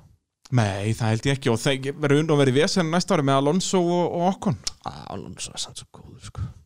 Já, verður Alonso gaman að sjá, klikkar, það verður sko. virkilega áhugavert Mér hefði bara langað til að fá Alonso og Ricciardo eða eitthvað svona, eitthvað svona Já. alvöru benchmark e- En við höfum það svo sem Minna, Ef Já, Alonso meina- er að vinna Okkon eins og Ricciardo Já. þá er hann bara á pari Já, en ef að síðan Okkon byrjar að vinna Þá er Alonso, þá er á, Alonso. hann yfir pari það er svolítið þannig uh, McLaren, það er alla rauðar tölur þar Já, Þeir eru að fara voru- niður í keppni eh, hérna, framleiðanda og báður okkur menn að fara niður. Núna er Norris komin niður í 5. seti og Sent komin niður í 11. seti. Sent náttúrulega búin að eiga tvær lélegar keppnir í röð. Já, Já þetta var bara, McLaren voru ekki samfærandi um Nei, helgina. það bara var, var, þetta var svipað og, og Mercedes. Nefna í þessum slaga þá dettur þú bara niður í 9. seti en ekki niður í annað.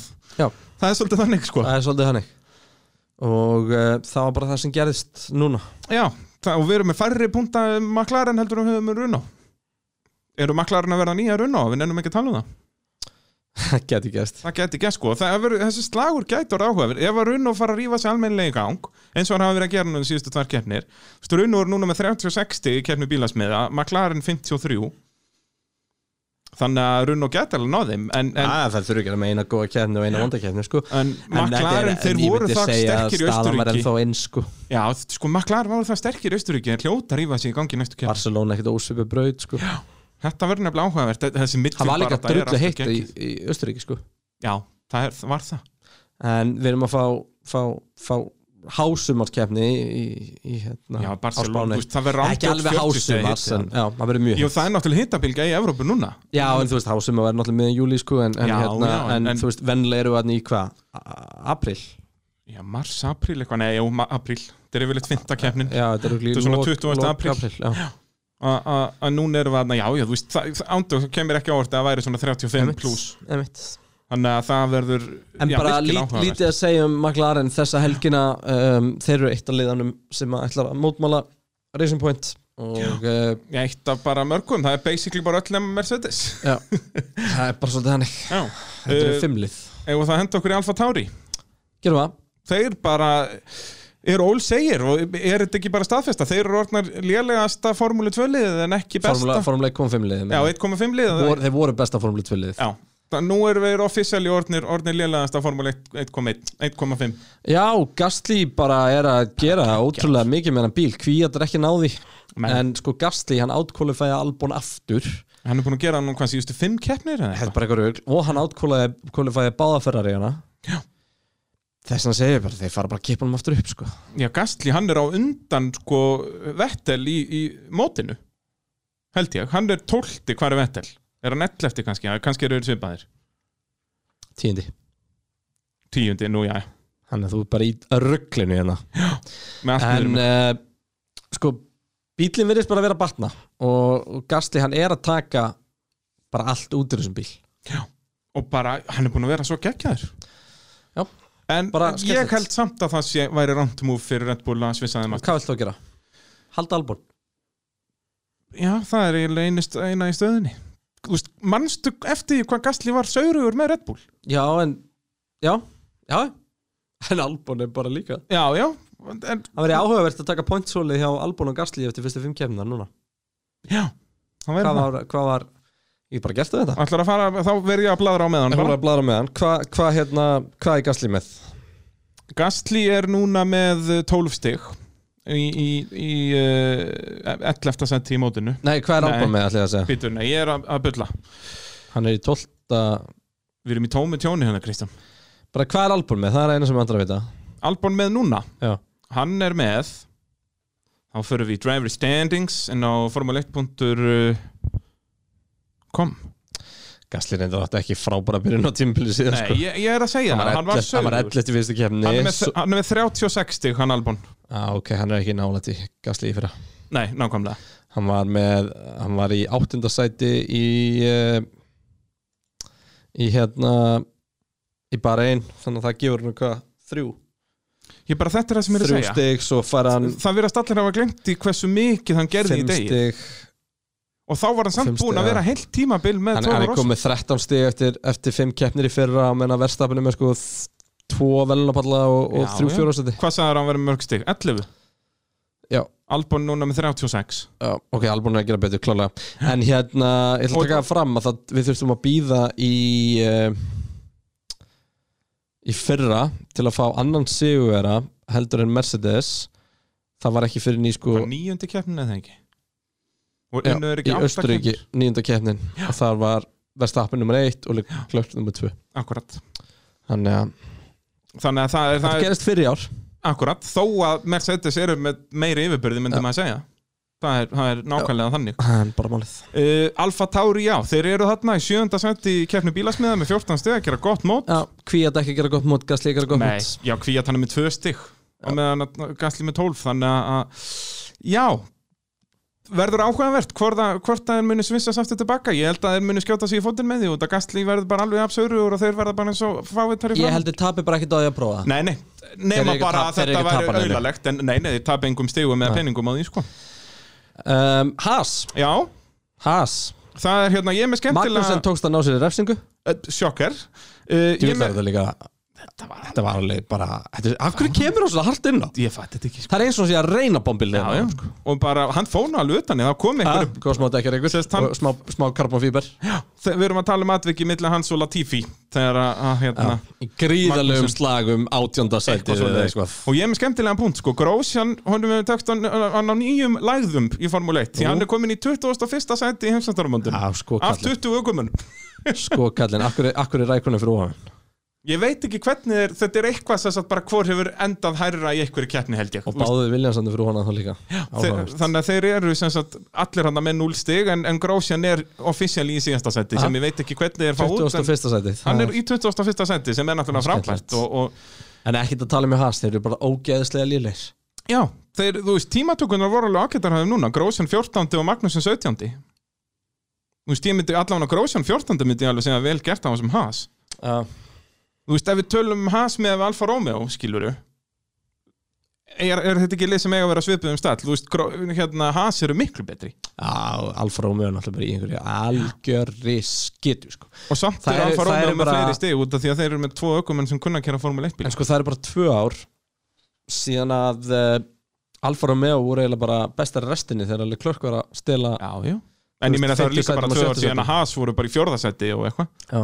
Þannig að skjótt skjótt og Af sviður í hverju lofti allir báðir verði lélegir í ár Þetta er magnað, skildi að vera með eitthvað en stálklum sem er handa fyrir aftan Gæti mjögulega verið Gæti Þessi hérna hugsanlega með hestinum á þetta Já, Já. það gæti hugsanlega verið að, að, En litla sprengingin hann, svo við förum aftur að tala um Ferrari bara í, í æfingu hjá Vettel Meðar hefur bara aldrei séð svona í Bara Formule 1 olí eiginlega. átum allt og Já, Já, bara í ekkert öllum litum líka Já, já, og bara líka svo stórt gat, þú veist, þetta var svoleiðis gussandi þannig niður, sko, bara Það vélinn er sprakk ekki oft sem bara þú í sér orðsins, nei, nei, þetta var svakalegt um, Eftir Alfa Romeo koma Williams og þeir eru bara Já. Williams Já, já, þeir eru aftur, þú veist, núna, sko, Russell var 15. tímatökum núna og það var eiginlega bara svona pínu lettan, fólk var farið að búast við meira Já, 12 eða eitthvað svona En, en þe- Russell talaði um þetta í viðtölum að þeir eru sem sagt er að reyna að verða lélegri í tímatökum og betri í reysinu og þeir átt að segja að þeir eru alveg hrikalegri í En reysinu af hverju ekki bara vera jafngóður tímatökum og betur í resinni? Já, þeir geta það ekki og þeir Hvernig geta ekki verið gerur með partímótið í gangi í 50 lélegri í ringi tímatökum Ég veit það og ekki eitthvað. betri í keppni? En Það er settuð, þú veist, þeir fara allir í parkfermi eftir tímatökur, skilur þannig að þú getur eitthvað Já, og menna það, þeir hafa verið að bara stilla bílnum upp fyrir tímatökur en ekki fyrir keppni eitthvað svo leiðis sé að keira kannski ómikið downforce eða eitthvað álíka Já, Það er eitthvað þannig dæmi í gangi en þetta er sem, náttúrulega að, bara þessi sem að þeir bensvél tapa engu á með partímótinu en svo þegar partímótið en partíið er búið Já, þá ertu bara með drak og leiðindi Já, það getur Það er, Já, já, og sorry, þetta ég, er alveg ég, ég bara gleymi alltaf hvað þú ert mikill loftfræði Ég sérfræðingur er það náttúrulega sem að sannaði sig á smíðum uh, Á bekkanum okkar. bekkanum okkar. og sem að örgulega enginn sem er að horfa á þetta skilur um hvað við erum að tala Nei, nei, og það er heldur enginn að horfa á þetta Þannig að þetta- þetta er stöpur rétt. alveg þannig að hvað sjómasmaðurinn út Þetta var indislegt en hérna En Williams aftur í bara síðast og annað síðast Þessi kappastu spillin þeirra er bara alveg ferlegur Alveg eins og hann hefur verið síðast ára En þeir bara partímótið þeir myndu endi í sömu sætum eða myndu ekki mæta á breytina Það er nákvæmlega svo leiðis Nei, nei, þá væri þeir í 19. og 20. veist það, og þá væri Magnúsen á undan en Rétt, þá var Magnúsen rétt. datt út Það er svo sem alveg líka styrl það er en það datt bara eitt bíl út úr kefni það var bara Magnúsen Ég veit ekki einu sinni hvað gerðist, hann parkeraði það bara í skúrnum Ég er ekki meiri Formule 1 sérfræðingur en það Ég heldur að það er bara lagt honum Já, Ég er nefndi sig bara ekki bara. nefndi ekki einu svona að fara og tjekka á því hvað var Nei, sem gerði ég- sko. það var sama hjá mér sko, þetta er bara, já, já, þetta er flott Það er bara erfið, það er Þáttum eitthvað, 17. já. seti og endaði í 20. það skiptir ekki öllu máli Herru, Eh, Ef að hendi í spátumskeppnina segðu mér Nú eru náttúrulega komna nýja reglur Þannig að við erum að spá um sko fjórða til sjötta setið Og þar var Kristján að gera virkilega gott mót Út að þar varstu með sko Tvo rétta, bara ekki á réttum stöðum Varstu með Albon, Hölk og Norris Albon náttúrulega endar þarna 50 Þannig að þú fari einn á- mínus á hann Hölk, Hvar var ég með hann? Fjórði? þú varst með hann fjórða Hölkarinn endar Nei, 7 var ég Þú ekki varst með, með hann var ég 5 ekki með Albon fjórða? Ég var með Albon fjórða Já, Albon Já. fjórða, Hölk 15, Fimmta. Norris 7 Já. Og svona stærsti mínusin er Norris 50, 70 og svo Norris hvað nýjundi eða eitthvað Var ekki Hölkarinn 7 Var hölkan er sjöundi? var, þeir Jú, Stroll því var að missa 70 Stroll og, líka fram að sér, já og hérna og Norris Klörk kom og trósir hann inn á en milli. samt í minna hendur þú bara mínus 60 á þig þannig að þú ert samtals komið með mínus 77 Já, ég kveldskeitt, ég sagði sents í fjórða sko, út af hann náttúrulega áttur hrikalegt reis þannig að ég hafði mínus 9 þar að þú ert raunir bara með eitt sem eitthvað sens hann já, Leclerc uh, solid, ég var með hann 15 hann endaði fjórði, hann er bara mínus 1 og svo var mér ekki Ardo og það, það var gott gísk en hann bara uh, uh, Ah. tók eitt sepp En eins og við töluðum um hana fyrirfram Þegar við töluðum um þetta síðast Já. Þá var þetta alveg galopið sko. Þú já, já, veist, Við vorum ekki með neitt sama Og þetta held ég Og að að þessi- bæði kom þetta til er það greina. sem er komið til að að vera, þetta setup, að vera með fjóra til sjötta seti og núna er þetta, allt, er þetta bara eiginlega jæmt, þú ert með 77 og ég 79 Já, og þetta á eftir að að fara mikið upp og niður held ég, og þetta er ansið strempið sko. já Eða að henda þá í, í spátum fyrir spán? Já, hvor, hvor okkur byrjaði síðast Ég man það ekki. Ertu tilbúið með hann? eða? Nei, ég er það reyndar ekki sko. En, Sko spát en, Ætlum við ekki að gera þetta þannig að ef að segjum að Benz hann til kera okkur annan þá bara, við ætlum bara að taka fyrir aftan Benz og Verstappinu eða ekki ég er það svo leiðis að bara eins og þeir væri ekki í keppni. Mm, Ég held að það væri eðlust sko Ok, getum gert það.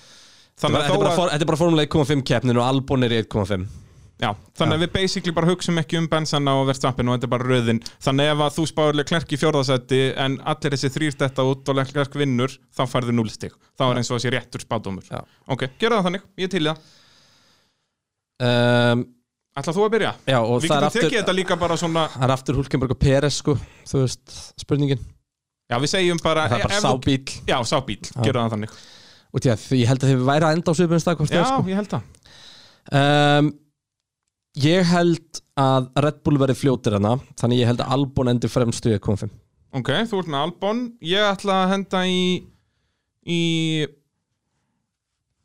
bara, ég ætla að henda í Leclerc svo ætla ég að henda í fymta ætla ég að henda Albon hvernig ætla þú að henda í fymta? Leclerc? Nei Ég úrendar Já, það ekki Nei Ég hef pínu trú hérna. að ferra í hana Já, ég, eins og ég segi hendi Leclerc í, í, í fjórða Ég ætla að hendi í Leclerc Fettel Það er svoleiðis Nei, Racing Pointin hlýtur að vera óvarm Á Spáni, já, þeir Mercedesin var segur þær í fyrra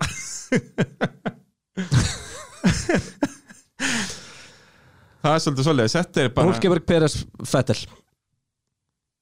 Býtu, hvað, Albon, Hulkper, Já, Fettel líst mér á fettilinn maður Það er ekkert víst að það klikki Það er ekki að hrista það klikki sko. Ég mann þegar ég spáði honum í þriðja sæti þarna einhver tíma Ég og held hann að rífi endaði sig í gang. síðastur Þú heldur að hann rífi sér í gang Já. uh, Ég er meðlega Clark, Albon Svo ætla ég bara að henda í Verður maður ekki að henda í Sko, Racing Point? Á, ég McLaren hendi í verður svo góður Norris þarna. Já, er það ekki? Ég ætla að henda í Norris Ég ætla að vera viltur Já, ég ætla, ég ætla að svissa og ég ætla að fá Sainz inn á listaminn Í staðin fyrir Vettel Mér langar alltaf að Fettel Já, henda Já. honum í staðin fyrir Hulk Já. Ég manna þig Já, tek því Hann- Þannig að Norris verið 50 Nei, það verður Racing Point sko bara ákveðtu þig Það er líka best sko þegar þú breytir eftir á þetta þá endar það alltaf eins og þú spáði því fyrst Já, Fettel vann og, Já, um, ætlar að hafa þetta Albon Hölk Vettel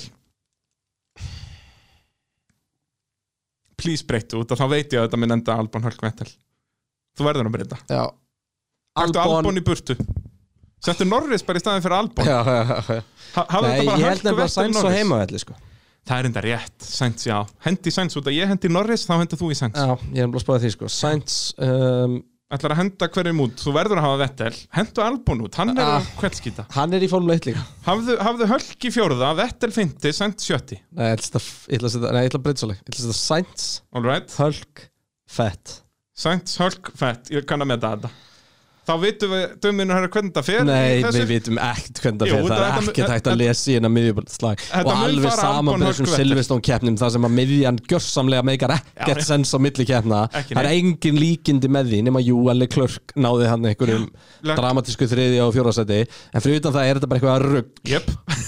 það er beauty í þannig að þessa þetta er ekkert spákakeppni einhver núna. spátumskeppni Nei, þetta nei. er gískkeppni en það er beauty við Formule 1 Herru, árunum lokum breska kapastunum á ekki eitthvað Já. liða að pikka púlkenberg eða? Jú, ef hann er ekki með sæti á næst hvað er hann gamall, Lulkenberg? Hann hvað, er 89 31? modeldi eins og ég Heldur sé 31 Eða 88 annarkvort Erum við báðir að googla að- að- ef- að- 32, hann er 87 Hann móndil er átt, Nú, hann er 87 hann er Háaldraða svona maðurinn. Helviti gamall Já, en ég minna, hann er samt sko, er hann ekki bara parið við Vettel?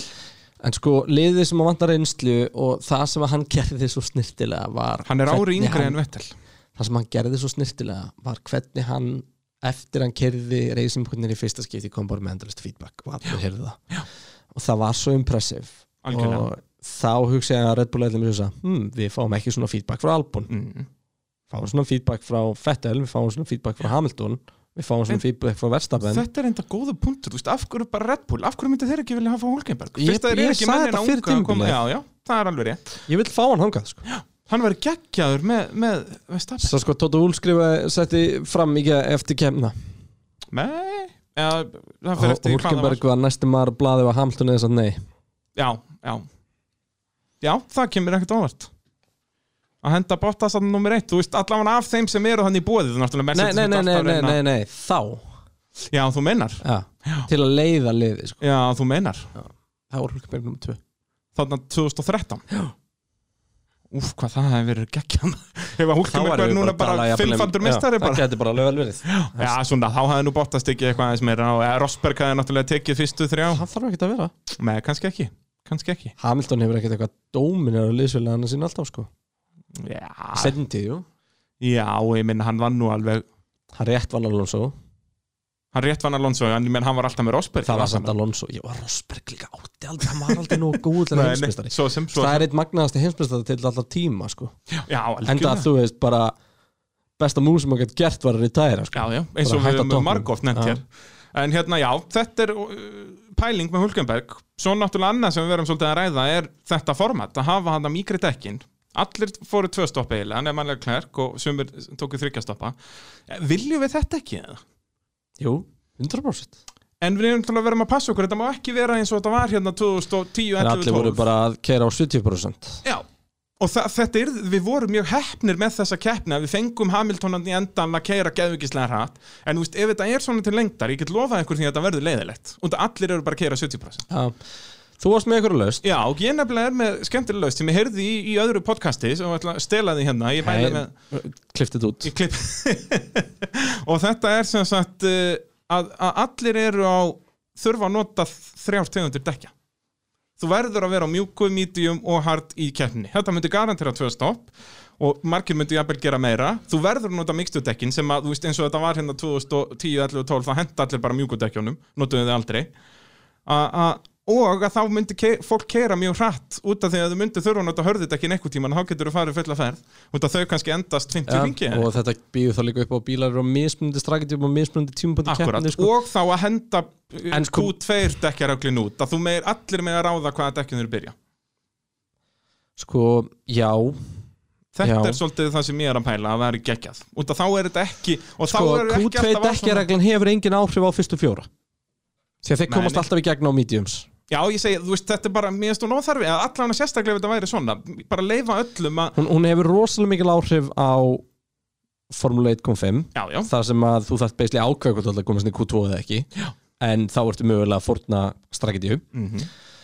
track position hefur enda sko sem sagt, hvar þú ræsir hefur bara verið svo gríðarlega mikilvægt á síðustu árum um, en ég minna ímyndaðin eins og núna ef þetta væri svona, að þú, eh, allir með að ráða hvaða dekkjum þeir eru, Benz eru þarna alltaf í fyrsta það eru þau öll dekkir mikri fyrir vikið sko því að hörðu dekkin þyrft aldrei að kera meira en halva kefni sko Já, já, þá er þetta sennilega bara svipað og, og núna um helgina En þá þurfti kannski bara að stilla þessu þannig upp að hörðudekkin, ef að við segjum að keppnin sé 30, eh, 60 ringir, hörðudekkin endist 30 Já, svo bara 20 milli og hörðu 10 20 og 10 sko.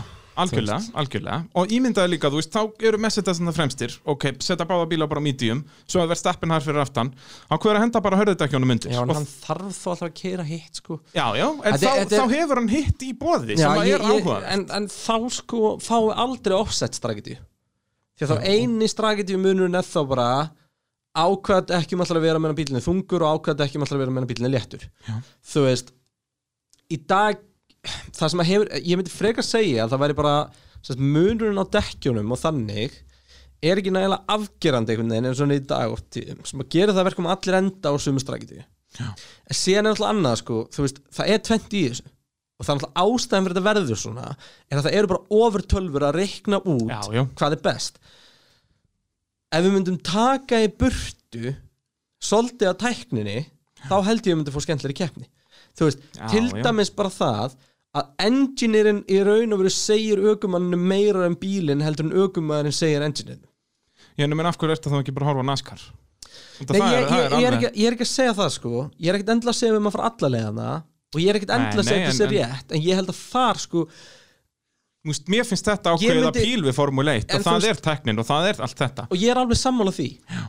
En, það, það tekur út eiginlega öll surprise já, já, það gerir það Þú veist, þetta er bara eins og þegar að traction hversu control var hissa leift varstu Þegar að dekkin byrjaði að springa á Sölustón 1 akkurat, akkurat Þú veist, það bara meika ekkert Nei, sens nei. Því að þeir vita þetta bara 15 ringjum áður Já, heyrðu, það er hérna smá Já, já, það er veist, alveg og- rétt að, ég meina, og þess vegna horfum fullt af fólki á NASCAR Já, ég er enda að gera það ekki, viðkynna En þú veist, það Ég, ég veit það ekki alveg Þú veist, ég, ég velti því fyrir mig hvort það sem einhver millifur Algjörlega, og við höfum svolítið verið að byrja Ég- að fara ég hennar held milli við að sko- setja meira upp í hendur og ökumanni Já, ég held að þryggja þess að þryggja dekki útgáfa pæling gæti alveg virkað Ert Ég, þú með eitthvað aðra pælingar? sko, mér finnst nú er þetta pæling alveg virka En að bara Mér hafa finnst bara mandatóri dekkjavalið ekkit endla alltaf make a sense, sko En bara að hafa reglu Það er bara að þú verður að stoppa tvisvar Alveg saman hvernig dekkin er, þú veist, það er bara Eila frekar, sko Já, Eila frekar, sko Og bara þú mátt ekki nota sama de sumu dekkin eh, þú veist, alltaf verður að nota allavegna Allavega tvö, tvær bara, útgáfur. hafa þetta alveg eins og þetta er núna nema það bara kemur regla og verður að stoppa tvisvar Já, e, já, út af því að það virkaði ekki að þeir náttúrulega reyndu eins og þú segir hann að 2000 og ég man ekki, langt í burtistan þegar allir voru bara að kera hægt spara bensin og Já, spara hann að 11, Jú, það 12, var 13 það leiðilegt maður. Já, og síðan enda, þetta náttúrulega sprakk allt upp á Silveston þegar öll dekkin sprungu Já. og ökumenn voru bara sneldu vittlausir bara, heyrðu, þetta gengur ekki, um leiðum við ætlum að reyna að keira hrætt og springu bara dekkin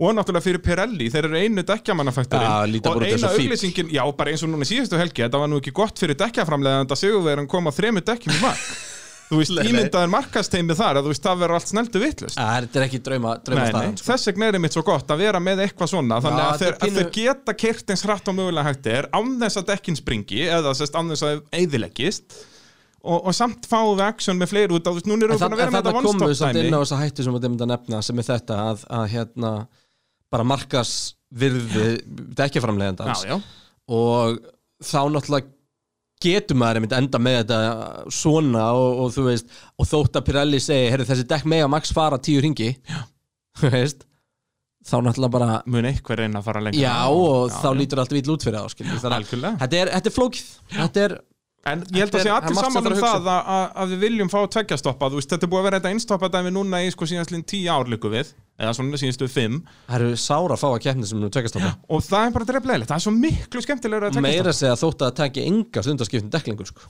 Nei, nei, þetta er bara tvær sekk já og þú veist og 19 sekundur sem tapast á Silvestón tímis Já, já, algjörlega, og, og, en þetta er bara alltaf spennandi, En þú veist, gætum við alltaf þegar stytt- sigur við erum getum fyrir við að stitt pitstop. pitlirinn Já, en svo er það náttúrulega líka, Þú veist, getum við bara auka spýtlimit eða bara hann Nei, hann má eða líka auka spýtlimyndi Nei, þegar þeir eru á 80 nú þegar og þetta er eini staðarinn sem er eftir sem er hættulegur fyrir einhverja utan að koma Jep. sko. Já, Þetta já, er að- en, en jú, jú, það er þetta pæli því, en, en bara líka alltaf þegar sigur við erum í keppni, kemur inn í pitt, maður er alltaf spenntur, þú Ja. heyrðu, já, þeir gætu fokkað ykkur upp, það gæti eitthvað, Algjörlega. þú, þú veist, Algjörlega. að, það, ég held að allir séu saman okkur að, að vilja fá fleiri stopp. Og það verður bara gaman hvernig það verður í framtíðinni. Eða að henda okkur í Facebook-komment eða? Herra, já, Hvernig, þá tekum við hvernig væri það? liggum við fyrir að taka ykkur pásu á undan þá komum Ég, við svona- það, við lifum þetta af Já, og við viljum að sjálfsögðu þakka öllum fyrir, fyrir uh, komment, það er bara þetta verður meira og meira í, í, í, eftir hverja keppni og þannig viljum við hafa þetta og það byrja okkar manni Viktor Beðamansinni Hvað er með það? Hann spyr, erum við að fara að sjá mörk í meiri dekkjavandræðum á heitara brautum, Spát, Belgi og Tilsun, Ítalía, allt yfir sumarið? Sko, þeir verði dekkjavandræðum, ég held að það verði ekki svona slemt. Silveston er bara fræg fyrir það að- að vera mjög krefjandi á dekk, eins og gerist til dæmis hann 2013. Að, að, jú, eins og á spánu núna verðar í vesinni ef það verður svona svakalega heitt sem að sennilega verður, en ekki svona mikið. Hvað heldur þú, Kristján? Nei, ég er eiginlega bara saman að þér Ég held að þeir komist fyrir þetta og ef ekki þá er það bara mjög skemmtilegt Já, hann, hann er með margar spurningar sko, eða er Pirelli að fara að gera merk eh, greiða með dekkjavalli? Ekki strax allavega, en kannski munu Ross Brón og félagar átt að segja á heyrðu, það fíluðu þetta allir, ef við ekki að aftur að fara í mjög mjúk dekk. Já, það getur Þannig að- gæst og sérslega við fáum tvekja keppna Já. format aftur Já, að það verði eitthvað svona setni helgin verður svona og da da da da da. Það er náttúrulega geggja, Ross Brón sendi Martin Bröndul SMS í miðju, miðri útsendingu bara, you're welcome. Bara, og Martin Bröndul las þetta bara í kommentaríinu bara, heyrðu, ég var á messaginu á Ross Brón Það er og þetta ég mjög- er endur alveg sammála því. Þetta er mjög gott Já, Ross Brown er náttúrulega, þú veist, hann, er, hann veit nákvæmlega hvað áhörundur vilja. Hann, er, alveg, hann er svo fullkomlega rétti Hann er maðurinn til að flottur vera gæi. þarna. Já. Algjörlega. Uh, hversu mikil tík er Hamilton að varpa Við erum búin fram að fara yfir sundkenningum? Já, fórum við það. Hann er ekkert svo mikil tík. Já. Uh, hversu glata þess að Tracing.point eh, taka Búin að fara höndin yfir og þetta. skella á soft? Það er samstæðiskenningarnar Já, það eru samsæðurkenningarnar. Og Alexander the Outside Overtaker Albon. Við Já. fórum líka við það svolítið. Uh, uh, já, einkennilegt. Það er Og, gott og hérna Gunnar Aðalgeir Arason spyr hvað finnst ykkur um þetta og hendir inn vind af, af tímireitjónu á Vettel It is in the gap that we didn't like þetta er annað þegar hann er að væla yfir Ja.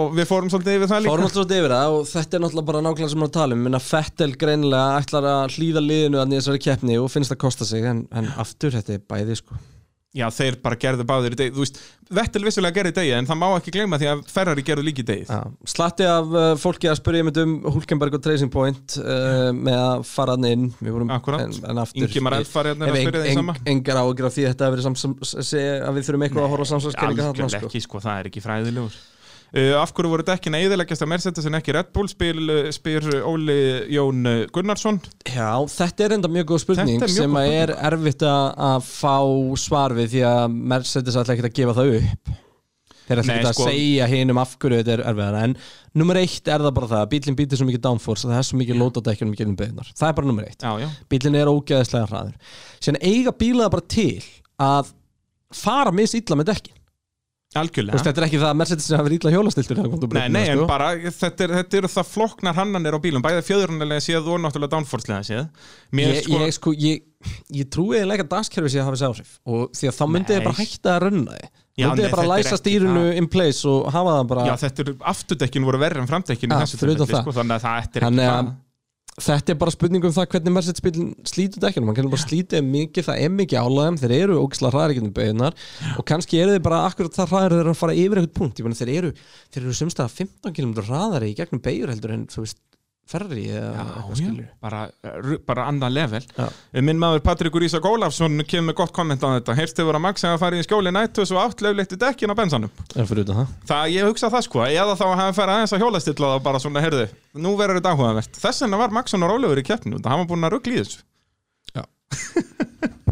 Uh, Guffi Þorvaldsson spyr uh, hversu vel gert til alveg klarka að klára svona ofarlega á Ferrari Fórum, stórkostlegt Já, það er bara, bara magnaður, magnaður drengur að- að gera þetta og ég sveiplast í svona aðdáun minni alveg klörk Já, stundum finnst mér hann alveg gjössanlega frábúr og stundum finnst mér hann bara ekki alveg vera með þetta nú það er svo leiðis já, en hann er bara með þetta núna Já, mér finnst það neila bara alltaf að vera með þetta já, kannski Það er bara, hann á einu og eina liðlega keppni og hann er að reyna að vinna sig í gegnum pakkan eitthvað á fljótt En- já, en bara hann er svolítið mistækur stundum En ég meina hann er líka ungur sko Ha? Og er náttúrulega miklu reynslu minni Þú veist maður er alltaf að bera hann saman við Verstappen Út að þeir eru á svipuðum aldri En Verstappen er búin að keppa tvisasunum lengur einmitt Þannig að það er alveg, já Áhugavert og talandi um Verstappen Guffi spyr hér aftur Er Verstappen generational talent?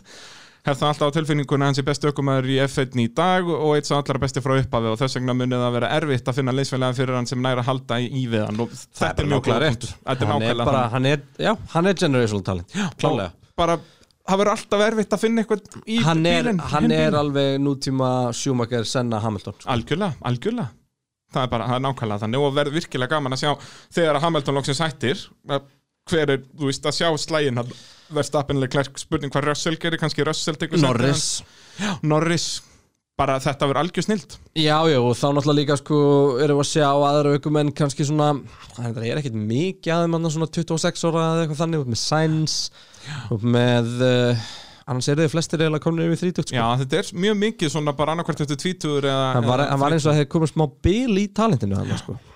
Já, þú sér það, Elun, það er er það ekki, er það ekki rétt hjá mér? Jú. Bottas er Bottas er að detti 89, 38, 88 eða eitthvað ekki? Jú, hann hann er er alveg- komið yfir það Já, Nei, það er- bíddu, hvað er kannski Bottas? 29 ára eða eitthvað uh, Eh, og þú veist, og ef við bara förum niður í getnum gritti, jú, Bottas er 30 hann er 89 mótil, Þetta er mjög á mikið þannig. ammali eftir tvær ykkur Sko, okkar maður um, þú veist Albon er, er bat, Leclerc er bat Latifi er bat Magnússon er um 30 Grósson er um Grossen um 30, 30, Rækon er um 50 Er hann ekki bara Fettel er 62 eða næstu viku? 35 eða eitthvað, Hann er Gastli er svona ungur líka Já. er ekki kvít en þú Kvíat veist, hann er getur bara ekki, verið hann er bara ekki þarna hérna milli- fara með í nei, þessu Nei, hann er ekki í þessu samtali sko. Stroll er ungur, Peres er 89 hann er í kring 30 eitthvað Já, þannig. Stroll getur nú verið hann að milli Hann getur Nei, verið svipað Stroll er- sænt Stroll er frekar ungur sko Nú, já, já uh, Ingvar Rúnar Jóhannesson spyr hann er 98 mótil Nú, já, blessaðan verð Uh, Ingvar spyr uh, ef að Hulkenberg, Hulkenberg fær aftur sæti hvert uh, verður líklegast að hann færi uh, Ég vil sjá að fara til Red Bull Það er bara þannig Já, en mér mun finnst- það mér finnst- gerast? Ég held Þú að Haas sé svona Já, mér auðvitað finnst það líklega að Haas eða Alfa sko Haas á næsta ára, ef þið myndir ná Peres og Hulkenberg þú veist, það er bara engin ástæða fyrir Hulkenberg að vera í Haas eða Alfa En ég veit, á eins með Peres þú veist, ef að þeir verða í hasa næsta ári þá munum við bara byrja að tala aftur um það og þeir eru ekki bara brendir út, þeir eru ekki bara lélegir og þeir verða svo saurugum bíl, Já, það er Þannig bara að- spurning, ekki nema að ferri í nái kannski viljum við það ekki Ná já. vélinu sinni í gang Ná Ég vélinni sinni í hef gang. alveg smá trúið uh, Andri Snær Sebits eh, Valdimarsson spyr uh, hvernig virkar Concord samningurinn af hverju líst Tótólf illa á hann og uh, vill ekki skrifa undir og er eitthvað uh, hægt á að Mercedes keppi ekki aftur eftir þetta tímbil Það er engin hætt á því að Mercedes keppi ekki aftur eftir þetta tímabil Sammála því. um, og Þeir Og eru bara maður búin að gefa skilur það, alveg eru bara af búin að hverju- gefa það út Skilur uh, Vilt þú útskýra fyrir hlustendum hvað Concord samningurinn er? Já, ég er samt ekki sérslega góður í því, en ég skal byrja á því. Nei, en þetta er svona bara Kon basic Concord samningurinn er í raun og veru samningurinn sem að stýrir uh, bæði tekju uh, sem sagt, öll, öllum fjármálhlutunum af, af þetta er í raun og veru svona þetta er í raun og veru sko bara svona peningathaki og formúlu já ekki basically. bara það sko þetta er eiginlega stjórnaskra á formúlunar Já, svoleiðis, er þetta alveg það djúft? já og þetta fer alveg niður í þú veist reglurnar hvert á að fara og fleira og þetta er svona visionary langtíma samningur formúlunar og hann er sem sagt og þarna er sem sagt formúluliðin ymbirðis að gera samning við FIA Þetta Já, er akkurat ekki, ekki bara þú veist Og- fía að mæta og segja herru, frá næsta ári verður þetta bannað Já, já, Þannig að það þú þetta er alltaf allir að koma Já. saman og maður skilur alveg að besta liðið er svona mest rakt við að breyta Já, en einhverju. ástæðan fyrir að Benson og Fúlir eru konkurtsamningum er fjárhastlegt sko Já, já, og algjörlega ástæðan fyrir að þeir eru fjú- fúlir er það að inn í þessum konkurtsamning eru alls konar greiðslur já. það er bæði greiðslur sem að segja frá því sko að þú fáir peninga fyrir það hvar það endar Já, og síðan, þú veist, alltaf þessi þrjúlið þarna sem eru búin að vera lengst fá auka penning og já, og, og fleira og það er einmitt þessi historical payments sem að sitja í Toto Wolf það eru og Williams fer- McLaren Ferrari sem já, sko, eru, Ferrari fór langhæst já, já, þeir eru náttúrulega búin að vera í 70 Já og sko bara svona historical value fyrir formúluna Ferrari sé að keppa skipt sem miklu máli Akkurat, og Tóta vill bara meina að Benz séu komnir þangað já, og ég ég, er ósamála því veit það ekki En þeir ég eru náttúrulega- sé ekkert einhver ástæð fyrir því að Ferrari ef þeir get ekki bara keppt á sama grundullu hinn Já, já. eh, að því en, en allavega og það er það sem að honum finnst er ósakend hún finnst ekkert ósakend að Ferrari fá þetta Nei. hún finnst bara skrítið að þeir fái miklu minna um, fá svo langt mest fyrir stig Já, en hérna inn í þessum konkurtsamling núna er til dæmis breyting á, á þessu og breyting á því hvernig sko neðri liðin komast nær efri já, liðunum já, þeir eru að breyta það, sem er, sagt, ég, það, það er kostkappið og að er, vindölin tíminn og allt Já. þetta, sko og kostkappið sem það verður að tala um 175 miljón dólar á næsta ári Já. frekar nefrur held ég alveg örugglega. allavega 175 miljón eitthvað útlensku gjaldmiðl Jú, ekki krónur Já, og uh, þetta er mjög skemmtilegu samningur Já, er það ekki, að lesa þetta svona á kvöldin Nei, sko, það eru- það eru svona skemmtilega undatekningar Já, já. Það er sem sagt, inn í kostkappinu er ekki markaskostnaður Allt í góð, þú veist, það er bara sér deild sem snýst um bara að kynna liðið og eitthvað líka Það er eh, ekki uh, ökumenn Og það eru ekki þrýr launahestu já liðsmennir Sem- Þannig að þú veist liðstjórar og teknikaldar Já, ég er mjög að spá sko hverjir gera Concord samningin aftur hjá liðunum Það er einnig þeir þrýr helstu Skemmtilegt, Já, ótrúlega skrifum tilviljun. tilun Það er hérna en- Þannig að Tóto má áfram fá 200 miljón dólar á ári í laun Jep Já, en ég meina, þú veist, þetta er alveg sniðugt þannig séð út að þú ert með þessa menn að- Nei, Ekki nei, ég veit á bara að vera kostkap og liðið þú, veist, þú veist, á ekkert eitthvað Já, nei, þú veist, út af þá höfum við þetta skemmtilega að, Þú veist, Mercedes er að ræna besta gæjanum frá Ferrari og allt þetta Já, ég- en sko, ég vil til þessu aukumyndi sinni þessu Því ég vil Er að það? liðið þurfi bara að faktur inn Ok, Hamilton kostað þetta á Já. móti töpu við svona miklu í vindtunnel Já, það er svo sem góða punktur Þannig að aukumanni verður bara stærri hluti af, af spilinu, sko Og En verður þá kannski fjárfesting minna, í minna ökumanni. drama á ökumannsmarkaðunum fyrir vikið, ég veit það Nei, það verður meira Já. Þegar þá allt inni fara ódýri aukumenn í secondary sæti að meika Já, það er sens enda og rétt. þannlega, sko ekki Góða punktur Þannig að þú, svo getur þú bara komið með lið eins og Hasa sem aukumyndi bara kost, eh, Koma lið eins og með þeim. Williams sem aukumyndi kostar raunum ekki neitt og það verður bara mjög valuable skilur og Algjörlega þá er þeim meiri pening til að eða bílinn með aðra og fleira þannig að ég, ég er ekkit endilega sammálaði Nei, þannig að, að þú veist en, en ég hugsa að Hamilton sé alveg fein já, og, og Wolf og Wolf og fleiri og fleiri, þannig að þetta er góða punktur Andri spyr hérna líka um refsinguna og racing point sem við tölum um áðan og hérna hafði Hvort- Hulkenberg hvort hún- en þetta er bílinn endur ágætið spurning sko var refsingin og racing point sangjörn Já, fórum við ekki svolítið yfir það, hún er það eiginlega ekki Já, þess að, hún er svona svolítið eins og ferrari niðurstaðan í vetur Já, það er já. engin sáttur nei, nei, þetta er svona einhver að reyna að finna milliveg Já, í þú reglum veist, sem er- annarkvort hefði þið þurft að hengja Racing Point og Racing Point hefði bara orðið brjálæðir Já, og já. Lorenz Stroll hefði bara farið með peningana sína í Vaffer Sjö eða Já, það er eitthvað bara skvass, Já, og já, er hann mikill skvassmaður? ég veit það ekki Já, og ég held að vera með þetta allt á hreinu Jú, já, hann er mikill skvassmaður, ég ætla að staðfesta Það fari ekki að sigla skútum eða Jú, eitthvað jú, það- veðlöpa hann myndi hestar, bara- þú veist, hvað er bara- jafn dýrt eða fara fara að spila póker í til- fara Monaco tunglið Jafnvel, Eitthvað. senda sér á Mars En uh, En þú veist, nei, að, ég, ég veit það, ég veit ekki hvað svaraði við þessu Nei. Því ég, ég, ég, út af þetta er ekki Þetta er fullt af skrifað í stein pening, út sko. af því, Já, já, en já, En já, þú veist, þetta er ekki 100 miljón dollara sektin sem McLaren fekk, Nei, nei. sko Þú veist, Þetta er ekkert að fara að knésja þetta liðið En Nei, það væri það heldur ekkert sangjan sko. Nei, nei, ég segi það, þannig að kannski var þetta bara sangjant Þeir töldu sig verið að gera löglegan hlut sko. Já, og töluðu við fýja allan tíman og allt þetta, þú veist Þetta er svona, jú, já, ágætis millivögur kannski bara Já. uh, Andri spyr líka, hafði Hulkenberg bílinn til þess að ná velunapalli og Nei. ef svo er, hvað hafði hann þurft að gera öðruvísi Ég er Þurfum ekki að sammála. svara seinni spurningunni hann Bara, átt, átt ekki, var ekki með bílinn Uh, Viðar Kristinsson spyr uh, hver gerði mest í buksutnar í þessari keppni ræði, þetta finnst mér indill spurning nei, og all- Allar að spila Sebastian Fettlóni aftur uh, hefur hendi trailer Nei. nei. nei, við skulum hal- við halda hæstunum okkar Fettel Eh, gerir degir Ef, að það ekki, Og er hann ekki Ferrari mesti- gerði Dave. já, En Ferrari gerir líka frábælega með Leclerc já, en bara Vettel í þessum rauða bíl Nei, í veistu, þessum ég rauða ætla, liði ég ætla að segja að Mercedes hafa gert þið ú, það er enda gott sjátt það er virkilega Ég gott ætla að sjátt segja að Mercedes liði hafi sopnað á verðinum og gert þið hver gerði mest í buksutnar, Mercedes segir uh, Kristján, ég ætla að halda mér á mínum menni Vettel Já, þetta er reyla Fettel það er svolítið svolítið og Eiginlega Vettel Vettel. og sem sagt Vettel í rauða gallanum það er ekki bara Vettel sjálfur heldur líka liðið Já. sem hann keppir fyrir Vettel er rauða galunum sem er ekki lengur mertur honum er það í alvöru? Þeir eru búin að taka nöfnum hans af öllu sem er selt og svona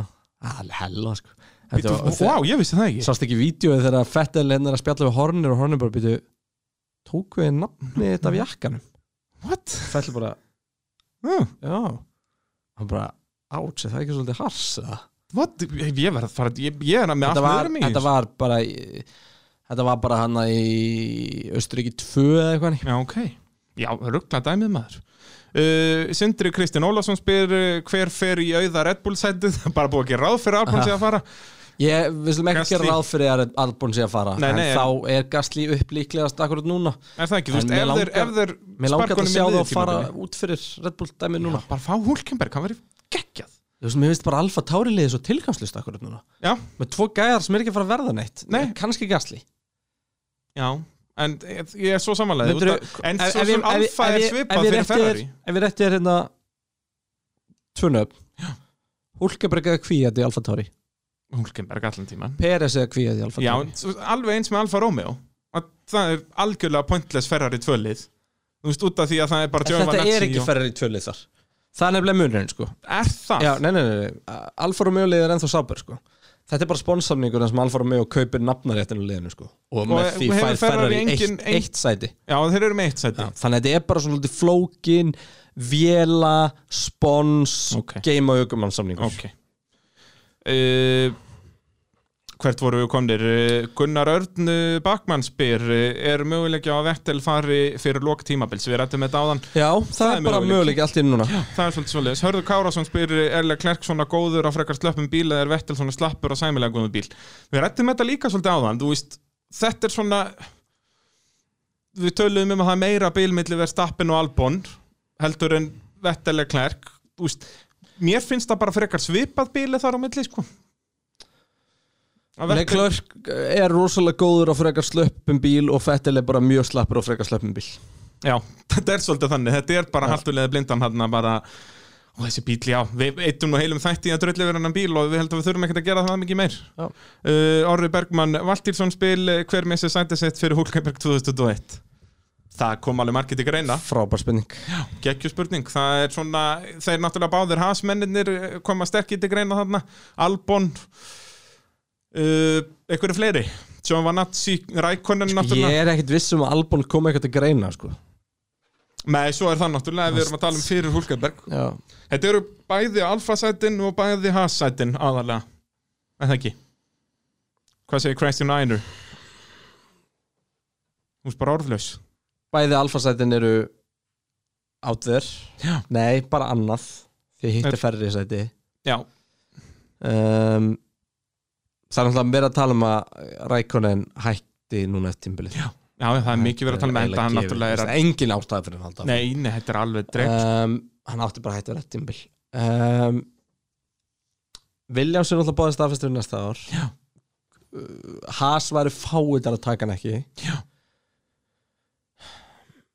Þá það eru næst Svo er bara, þú veist, svo er náttúrulega bara spurning með Red Bull það er náttúrulega bara að loka og það eru fjögur sæti af 20, sko Já um, En ég meina það væri geggja fyrir það að fá Hulkenberg í staðin fyrir Alban Já Eins og Margot hefur komið fram hér í þessum þetta Mercedes er frágengið, Ferrari er frágengið Uh, Þetta er bara, þú veist, eina, eina toppsæti sem er mögulega eitthvað löst er Albon, sko Já, af þessum Mögulega. toppsætum En eins og ég segi, ég held að það sé meira að vera að horfa ekki á Haas. nema þú veist að hann myndi bara eitthvað hoppa s- í, keira sig í gang, fara að keira í Barcelona og bara skila velnaballi, sko Og þá kannski er bara komið að því að Já, kannski ræða eins bara- Barcelona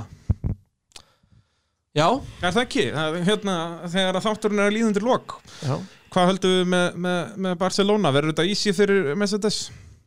Easy for Benz Já Hvað heldur uh, Sko, Sérfræðingur Pitsons? já, ég held það Ég held að Benz sé alltaf að fara að vinna í Barcelona Já ég samanlega sko en, En þú veist, verður hitin þetta getur alveg spilað inni og dekkjarslit gæti alveg spilað inni en eins og við talum á hann, þú veist, Barcelona er ekkert sérstaklega hörð á dekkin Nei, og það er alltaf heitt þegar kera þar og Benz voru samt alltaf að vinna þar Já. þannig að uh, ég held að þetta verður ísi fyrir já, ég held að Benz takit það þægilega ég held að sko, fyrsta lagi þá er ekkert í karakteristik brautarinnar sem segir ekki að Benz segja hakkana Benz Og líka bara eins og Wolf myndist á að þeir eru ekki að fara að sofa verðinum aftur sko. Nei, nú, nú eru þeir brjálæðir yfir að hafa tapað og, ef og, þið tapa tveimur röð þá er þetta bara game on og ég, bara, ég, ég vona ég hefur rámt fyrir mér Já, auðvitað Út af, því- og það er ekki út til ég hef eitthvað á móti Mercedes ég er bara á móti liðið sem vinnur allt Já, þetta er bara, það er allir Ég bara- á móti Bayern Mun- Munich, það er allir á móti Juventus þú veist, þetta er alveg sama dæmi það, bara ef einhver, í einhver íþrótt, ef einhver er með mikla yfirbyrði það var alltaf, þú veist, það hötuð Ja, Ah, allir þú veist, vestil og, það, og það, 2013 var- það er ekkert eitthvað spurning um að ég vilja til að sjá sko, Mercedes tapa heimsvöldliðum eitthvað ég vil Nei, bara nei, fá bara þessi keppni Ah. í keppni, já, já, heimsmeistaratitlinum. það er allir sammála því Já, flott, bara gott að það miskilst ekki en hérna, þannig að ég, ég vona að við fáum keppni um að Red Bull allavega getur gert einhver árás en ég er rosalega hrættur um að þetta verði bara Hamilton Bottas og Stappen sko. Það er svolítið svo leiðis uh, Förum við þá ekki bara að kalla þetta gott? ég held það ef það er ennþá einhver að hlusta á okkur þá hlýtur hann að vera degjulegðindu þannig að þetta er bara komið fínt